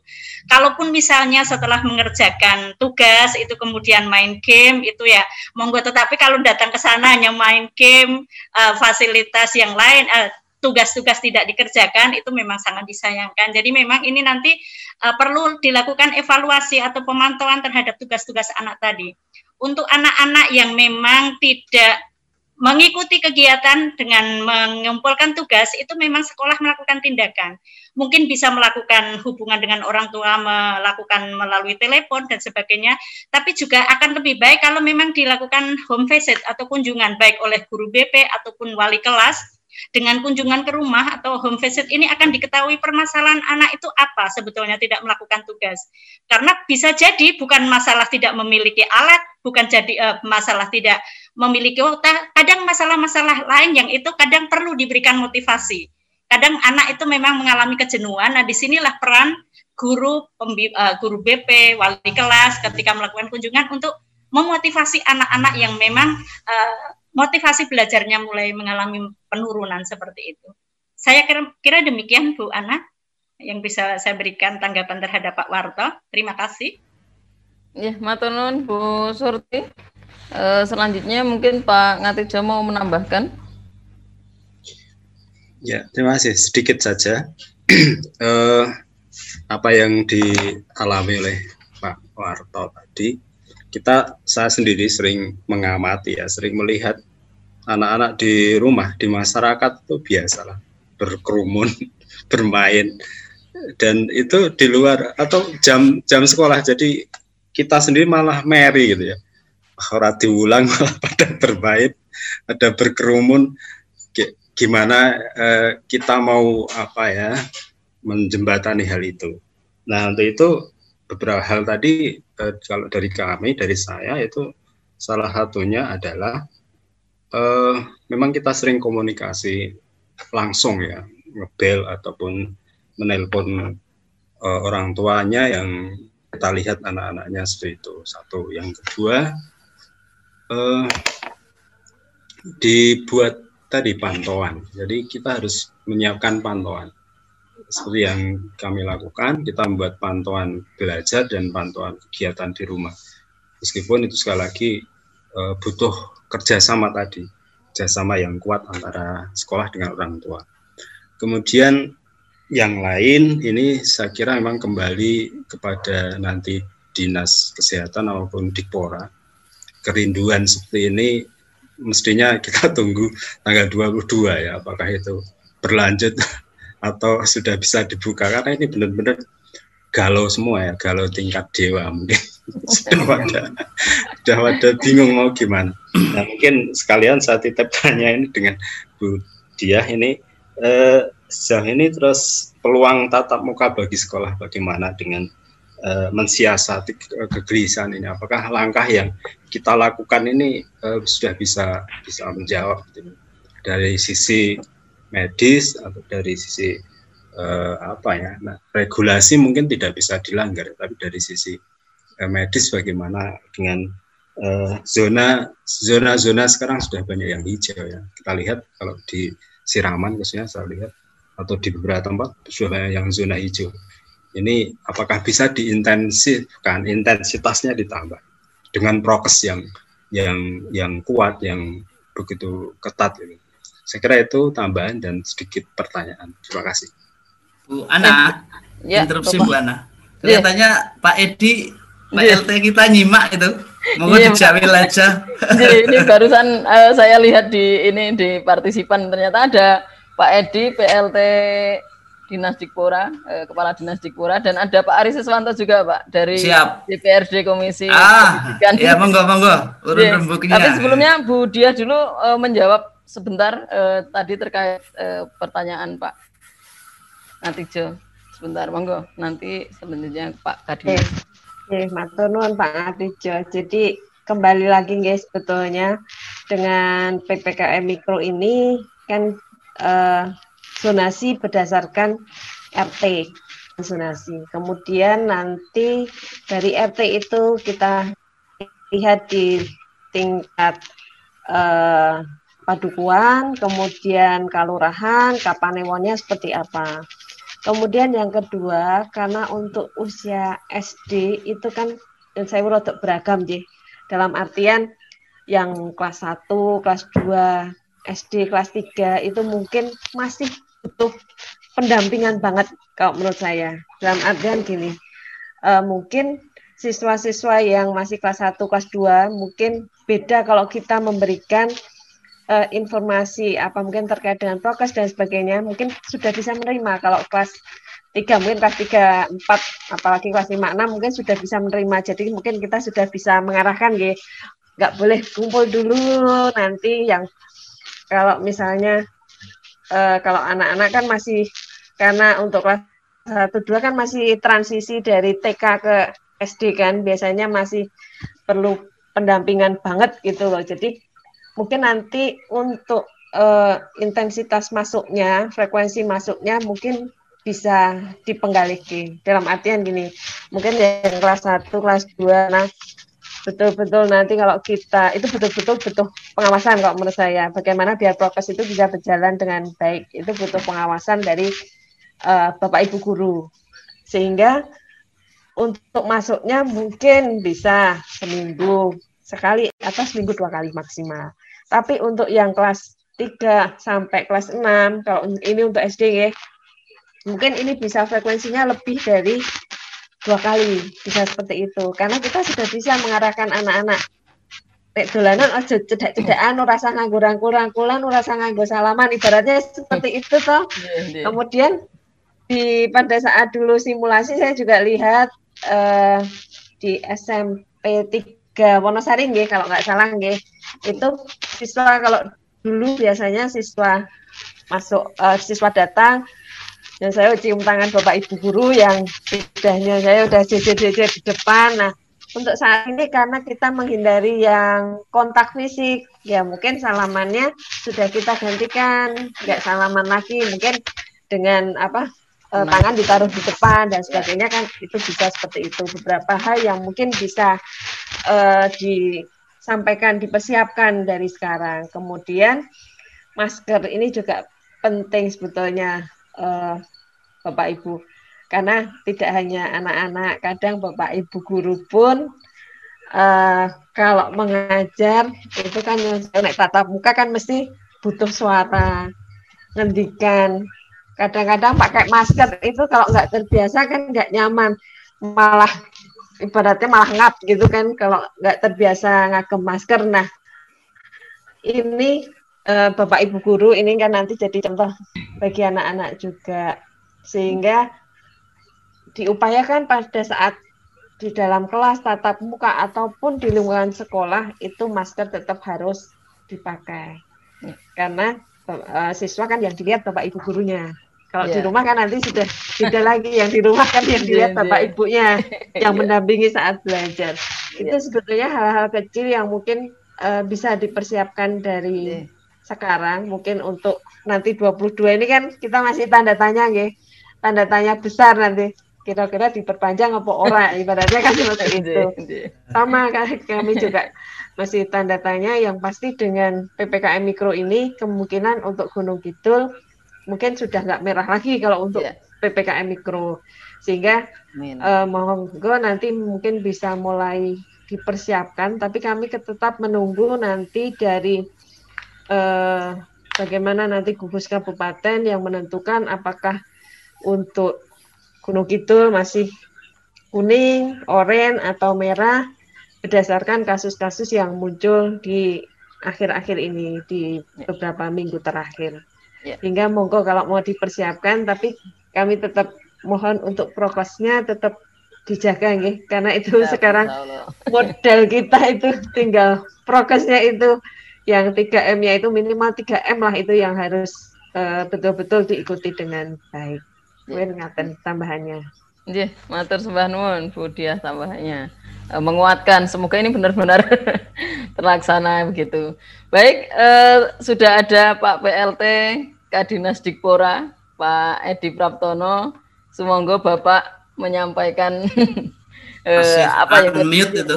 tadi sudah menyimak dari awal gitu. Tadi sudah banyak curhatan dari orang tua, dari kepala sekolah gitu ya. Sehingga mungkin Bapak bisa menanggapi. Semoga Bapak Iya, terima kasih. Assalamualaikum warahmatullahi wabarakatuh.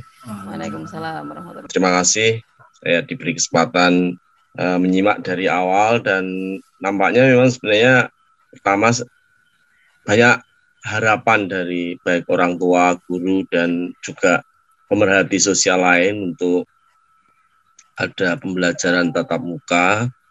Tapi sekali lagi kita dalam menghadapi situasi eh, pandemi saat ini, kebijakan yang ada menggunakan penanganannya menggunakan uh, penanganan uh, kebencanaan. Karena itu kita harus tunduk pada uh, satu komando di mana komando itu ada di daerah, ada di gubernur dan bupati. Itu komandonya. Jadi ya, kita tidak bisa lepas dari situ. Tadi sudah banyak dijelaskan, Bu Diah, barangkali ada kesempatan karena regulasi saat ini pakai PPKM Mikro, tetapi tetap saja masih tercantum dalam regulasi itu pembelajaran dengan BDR. Jadi kita dikunci dengan satu regulasi, uh, satu kalimat yang uh, kemudian pembelajaran itu masih harus dilakukan dengan BDR. Nah, kecuali kalau nanti tanggal 22 itu uh, revisinya kemudian barangkali Mas kemudian PPKM mikro ini akan berlanjut tetapi dalam pembelajaran sistem BDR ini dihilangkan. Artinya dimungkinkan ada tatap muka, nah itu baru uh, kita kita sebenarnya sudah menyiapkan seperti yang disampaikan Pak Kesworo tadi, beberapa hal regulasi di daerah berkaitan dengan proses pembelajaran tatap muka gitu. Dan acuannya juga sangat jelas dan rigid sekali saya kira untuk uh, memenuhi apa yang diharapkan uh, Bu Dr. Diah tadi gitu. Nah karena itu uh, saya kira uh, saya mengapresiasi pertemuan ini dan uh, pertemuan ini tidak hanya saya harapkan tidak hanya berhenti pada um, diskusi ini saja, tetapi barangkali kopi dari uh, diskusi ini bisa diberikan kepada pihak-pihak yang uh, kompeten untuk mengambil kebijakan. Barangkali bisa dikirimkan ke gubernur, ke bupati, sehingga nanti ketika tanggal 22 mengambil keputusan uh, apa berkait dengan lanjutan dari PPKM Mikro. Kalau saya yakin PPKM Mikro ini akan terus berjalan, masih masih akan berjalan. Hanya kalau kita mengharapkan ada uh, pembelajaran tatap muka, maka kita juga uh, mestinya secara keseluruhan teman teman-teman pemerhati pendidikan ini bisa bersurat lah atau bersurat atau ber uh, mengirim beberapa tadi uh, testimoni dari orang tua, para guru ini ke gubernur karena kalau kabupaten sih juga kan hanya garis lurus dengan keputusannya gubernur. Kalau gubernur bilang eh, PDR ya kabupaten pasti akan nggak akan nggak akan nggak akan jauh berbeda gitu. Karena sekali lagi penanganan wabah ini dengan uh, manajemen kebencanaan dan di situ komandonya sangat jelas uh, bupati, gubernur dan bupati. Saya kira itu dan sekali lagi saya mengapresiasi dan mohon uh, bisa dijadikan bahan masukan mengambil kebijakan untuk uh, ke depan. Saya kira itu. Assalamualaikum warahmatullahi wabarakatuh. Waalaikumsalam warahmatullahi wabarakatuh. Mantur sembah nuwun Bapak. Uh, jadi memang diskusi kali ini eh, kita di Sonjo di angkringan Sonjo ini nanti ini kan direkam kemudian nanti disiarkan kembali di Radio Trijaya Trijaya FM dan kita juga eh, tidak hanya di channel Zoom saja di streaming YouTube juga ada Bapak Insya Allah nanti eh, semoga nanti bisa menjadi bahan ya untuk menentukan kebijakan selanjutnya ke pihak-pihak yang berwenang begitu. Amin. Ya, eh, tapi kalau hanya disiarkan dan di uh, live streaming kan itu nggak okay. sampai. Jadi saya kira rekamannya itu okay. kalau bisa tolong dikirimkan ke gubernur kan gitu. Iya, siap Bapak. Okay. Nanti kami sampaikan ke angkringan gitu ya. Yeah. Baik Bapak, terima kasih sekali meluangkan waktunya untuk diskusi malam ini, sharing malam ini. Insya Allah sangat uh, menguatkan kami begitu. Baik, selanjutnya eh, mohon masukannya juga dari ada Pak Ari Siswanto di Komisi Pendidikan DPRD Kabupaten Gunung Kidul. Monggo uh, Pak Ari, mohon masukannya. Pak Ari masih di room? Oh, sepertinya sudah uh, live beliau. Karena memang tadi sudah menyampaikan gitu di wilayahnya beliau di daerah uh, Palian cukup pinggiran begitu ya. Itu memang agak susah sinyal gitu agak susah sinyal. Jadi nanti mungkin sudah dua kali terpental beliau. Jadi eh, mohon maaf belum bisa masuk. Baik eh, selanjutnya masih ada waktu sekitar 10 menit. Mungkin masih ada yang mau disampaikan bapak dan ibu. Saya saya pak saya mbak Ana oh nje monggo pak Mulyadin ya Amul oh nje monggo pak ya. Amul dua tambah SD mbak Ana Iya Pak. Anu satu SMP satu SD aja. Siap. Kelihatannya ada Bu Erlin apa siapa itu? Iya, iya baik. Monggo ya. Pak Mul dulu. Iya. Terima kasih waktu yang diberikan. Uh, salam sehat. Halo Dokter Dia yang saya hormati. Kangen dokter. Tidak pernah ke sekolah kami. iya, masih Pak Kabit yang selalu ganteng terus. Mantap. Semangat dan sehat. Ya, ya. Terima kasih Mbak Ana sudah memberikan waktu pada saya. Ya, saya akan saya akan kembali ke konteksnya. Belajar pada masa pandemi pada himpitan ekonomi.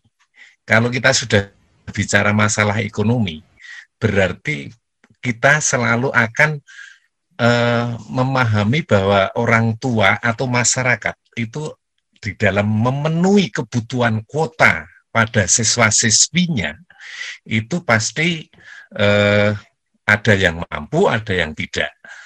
Maka ini berdampak pada sekolah kami, terus terang saja pada himpitan ekonomi itu. Pada saat pemerintah melalui Kemendikbud memberikan kuota yang jelas sudah diterima pada anak, metode pembelajaran sekolah kami dengan metode daring, kemudian Bapak Ibu bisa memberikan dengan Zoom, dan saya pada saat mengamati Bapak Ibu guru me, memberikan pembelajaran dengan Zoom, itu sangat efektif. Saya salut. Tetapi begitu kuota yang dari Kemendikbud belum diberikan, Bapak Ibu guru sangat perhitungan sekali di dalam memberikan daring. Untuk itu yang saya tanyakan kepada Pak Kabit, kapan ini bantuan baik dari bos maupun dari Kementerian Pendidikan untuk turun kuotanya sehingga di dalam pembelajaran daring dalam himpitan ekonomi masyarakat itu bisa tercapai atau bisa terpenuhi. Meskipun tadi dari orang tua ada yang mengatakan bahwa anak-anak memang pada saat di balai dusun atau balai desa yang ada wifi-nya gratis malah digunakan untuk tapi di SMP 3 Wonosari salut dengan Bapak Ibu guru kami. Kami tidak begitu hanya membanggakan sekolah kami. Tetapi benar-benar saya pantau ada guru yang detail anak satu persatu tahu apa aktivitasnya dan kegiatannya. Itu luar biasa. Maka eh, mohon pencerahan Pak Kabit kapan kuota digelontorkan ke orang tua atau ke siswa melalui Kemendikbud maupun BOS segera bisa dicairkan. Terima kasih. Eh, matur nuwun Pak Mul. Uh, kita lanjutkan dulu nanti baru ditanggapi Pak Kabit dan yang lainnya. Monggo uh, tadi Bu Erlin masih ada? Ya, Assalamualaikum warahmatullahi wabarakatuh. Waalaikumsalam warahmatullahi wabarakatuh. Begini ya, Bu, ya. kalau tadi kan judulnya tadi kan kendala PJJ di tengah himpitan ekonomi di masa pandemi deh. Iya, nah, kurang lebih. Tadi saya setuju dengan Bapak Kepala SMP 3 Wonosari, deh. Nah, yaitu mengenai himpitan ekonomi. Jadi begini, kalau masalah himpitan ekonomi di SD kami kan banyak petani, pedagang gitu ya. Terus solusinya ini begini, kalau saya ya. Kalau di SD kami begini, kami mengadakan semacam kayak komunitas ya Bu. Jadi bekerja sama dengan dunia usaha dan kami juga mengadakan semacam komunitas dengan para dermawan ya. Kerjasama dengan para dermawan. Ini begini caranya ya. Untuk pedagang-pedagang tradisional itu kalau dagangannya tidak laku, nanti kita beli. Jadi kita mengadakan donatur dari dermawan tadi, dagangan-dagangan mereka itu kita beli, kemudian kita tukar dengan apa yang wali murid inginkan. Misalnya pulsa, begitu. Apa nanti misalnya ada lagi misalnya kalau dalam jumlah banyak dilalai kemarin ada dermawan itu yang begini Bu. Menabung di bank kemudian bunganya tidak diambil kemudian disumbangkan.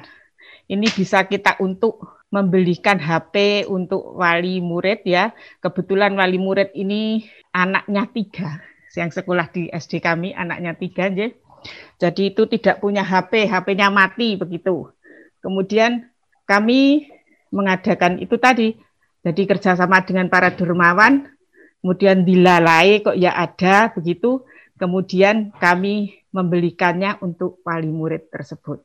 Nah mungkin ini bisa untuk best practice kami nanti, Bu. ya mudah-mudahan mudah-mudahan ini berjalan dengan lancar seiring berjalannya waktu untuk BDR ini. Kemudian untuk dari petani juga begitu. Kalau ada misalnya dapat sayuran, dapat anu kalau tidak laku kita beli Bu. Kemudian kita kita jual secara online. Kita online kan gitu loh. Ya, kalau ya. tidak laku ya nantinya ya ya solusi kita tadi bekerja sama dengan para dermawan kalau tidak tidak laku ya kita bagikan kepada mereka yang memerlukan begitu Bu. Ya, ya, Bu. Itu dari kami. Ya. Mungkin bisa untuk apa ya referensi di sekolah-sekolah yang lainnya. Terima kasih. Begitu Bu. Yeah. Matur sembah nuwun Bu Erlin. Ternyata luar biasa itu ya.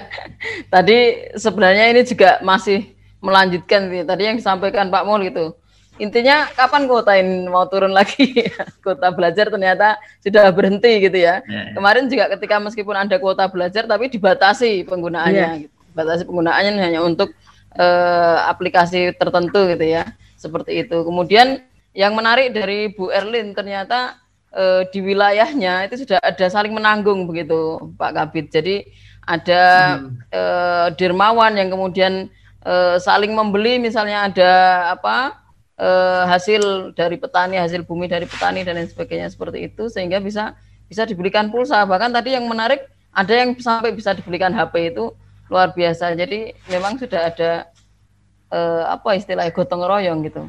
Monggo eh, tanggapannya Pak Kabit eh, okay. masih ada waktu sebentar. Baik, okay. terima kasih Pak Mulyadi dan Bu Erlin yang respon terhadap diskusi ini. Jadi untuk Pak Mul terima kasih. Doa salam sehatnya, salam doa kembali untuk Pak Mul ya.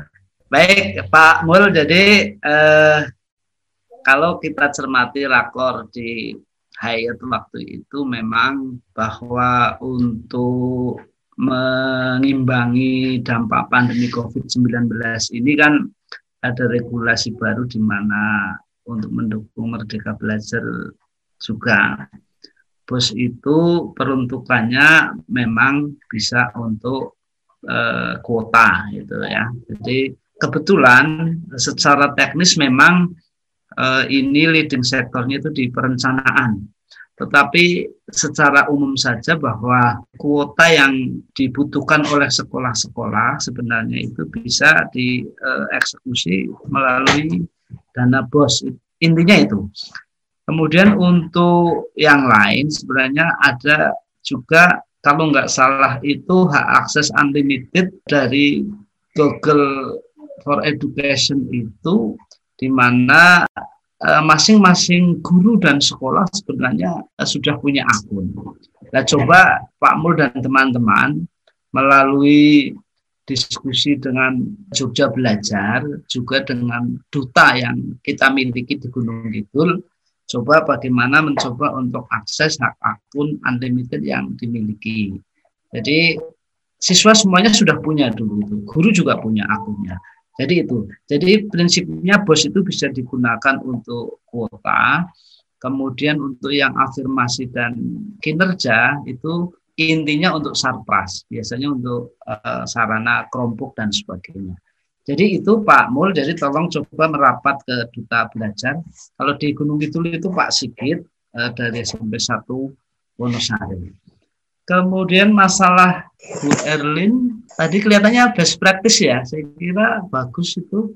Jadi temanya memang himpitan ekonomi ya, jadi yeah. memang eh, bukan hanya kita yang terhimpit Bu Erlin, jadi best practice jenengan itu ya bagus juga ya. Memang efek nurturan eh, dampak pandemi ini efek sampingnya memang luar biasa Bapak Ibu. Bahkan ada istilah anak kandung dari pandemi itu muncul di bangjo-bangjo itu. Jadi badut-badut yang ada di bangjo juga manusia silver, manusia perak itu saya coba ngakses ternyata ketika dibuka eh, topi badutnya justru anak usia sekolah Bapak Ibu saya tahu persis ketika di Kid Fund itu. Jadi artinya ternyata anak usia sekolah itu pada posisi mestinya BDR dia dalam posisi di situ. Jadi ini efek nurturannya memang luar biasa Bapak Ibu tentang pandemi ini. Kemudian tadi juga sempat disinggung kekhawatiran bagaimana wifi di kecamatan itu yang bergerombol anak-anak dari Pak Warto, memang kita harus uh, lokal wisdom ya, jadi uh, cukup bijaksana. Artinya uh, ketika uh, kita menanam padi, kemudian tumbuh ilalang dan rumput, otomatis ya jangan langsung dicerabut semua gitu. Padinya juga dicerabut dan tapi coba kita sisihkan eh, rumput-rumput uh, itulah. Nah itu peran kita semua bukan hanya guru, tapi juga orang tua dan masyarakat. Saya kira itu dari saya untuk kelas eh, plus teman saya kira cukup dari ini saja. Yeah. Apresiasi untuk Mbak Ana atas acara ini. Eh, assalamualaikum warahmatullahi wabarakatuh. Waalaikumsalam warahmatullahi wabarakatuh. Terima kasih Pak Kapit. Ini bukan acara saya, ini acaranya Pak Rimawan sebenarnya. Oh gitu ya. ya. Pak Rimawan ya. ada di sini. Alhamdulillah beliau yeah. di FEB. Nanti mungkin eh, Pak Rimawan badai ngendikan Rumian. Monggo sebelum kita tutup masih ada waktu dua menit. Sampun Ibu matur sembah. Sampun. Oh nggih. Bapak Ibu semua uh, yang ber, anu nggih ingkang bergabung menika. Lah monggo menawi badhe banyak hal yang bisa kita selesaikan bersama. Monggo berkenan untuk bergabung di Sonjo uh, Pendidikan. Ini kok yes, satu dari 14 uh, eh, WA Group di Sonjo, Bapak Ibu sekalian. Dan alhamdulillah uh, sudah dua kali kami ber, uh, ber apa sowan ngarso dalam Bu Pilih nanti uh, kalau ada rekomendasi kebijakan yang boleh bisa dikomunikasikan kami siap untuk mengkomunikasikan. Mengatakan kemauan, matur suwun yeah. Bapak Ibu sekalian, matur suwun. Yeah. Nah, menik Oh, ingkang kagungan acara Pak Kabit. Oh iya iya, matur nuwun. Baik, uh, alhamdulillah sudah banyak hal insya Allah yang bisa kita peroleh malam ini. Meskipun kalau kita mau menyelesaikan jelas tidak selesai karena uh, waktu dua jam ini sudah terlalu cepat nih untuk diskusi kita. Dan insya Allah tadi yang disampaikan Pak PLT, insya Allah tadi ditindaklanjuti Pak Rimawan. Semoga hasil diskusi malam ini apa yang kita bicarakan malam ini benar-benar dibawa ke ngarso dalam gitu ya. Jadi ada tidak lanjut yang jelas gitu ya, ada eksekusi untuk kita uh, untuk win-win solution karena memang uh, kondisi pandemi ini keselamatan dan kesehatan anak-anak kita itu yang menjadi prinsip utama begitu. Itu Bapak Ibu uh, yang bisa kita sampaikan. Jadi Pak Eka? Iya, Bu. Ya, uh, saya coba melakukan beberapa studi tentang efektivitas belajar di era pandemi di beberapa negara lain. Ini sekedar usul. Di antaranya itu harus ada semacam bukan harus lah apa uh, yang dipunyai masyarakat itu apa? Misalnya ambil contoh bu ya. Rata-rata masyarakat kita tuh uh, apa punya TV dan player. Nah itu kalau saya lihat di kampung sering digunakan untuk muter campur sari. Yeah. Padahal itu ada flash disknya Nah, sebenarnya nanti saya kasih lah bagaimana itu bisa bekerja. Jadi caranya ini saya pernah terapkan di Kepulauan Riau untuk guru apa namanya apung namanya seperti itu karena mereka itu jadi materi itu nanti asal anak itu punya flash disk ya misalnya 50 ribuan materinya videonya tanam situ nanti di play di rumah sehingga tidak harus semuanya itu online sebenarnya itu nah cuma di sini skenario belajar ini mengharuskan adanya uh, apa istilah susahnya itu uh, media developer dan digital curator di guru-guru yang mengumpulkan itu tiga nanti dipantau. Nah ini salah satu yang berhasil itu Xinhua di Cina itu menerapkan itu. Jadi dia tidak terlalu maksa harus HP, harus ini, yang punya apa itu dimaksimalkan sehingga kalau saya kemarin ngobrol dengan diskusi di anu ya di kementerian ada Pak Nizam nanti ada ide stasiun belajar tinggal di jadi anak ke tempat online wifi itu download itu nanti di playnya di rumah didampingi orang tuanya hmm. gitu nah maka yang saya share Pak Mas Rimawan di grup saja pendidikan tuh contoh device itu saya beli di di, di, di pasar itu bu. Yang tadi tak kirim itu. Yeah, yeah. pasar toko cilik. Lo kok duingnya deh Thomas punya kok mas? Itu dia yeah. itu ya. Nah itu seperti itu. Nah itu itu masukan saja. Cuma nanti coba saya di saja pendidikan anu saya bantu membuat beberapa jenis kerangka belajar yang bisa diadap diadopsi lah ya sama bapak ibu guru sehingga uh, kendala signal dan lain itu bisa ter, apa, ter, terkurangi. Nah masukkan lagi.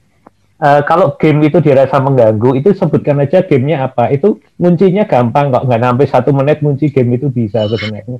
Oh, gitu okay. secara teknis. Jadi cuman uh, disetujui enggak gitu loh game itu. Karena pernah kunci itu itu saya dimarahi orang tuanya. Justru anak saya bisa belajar masalah itu ya, ya. oke okay, kita aja Bu Riani. Makasih iya.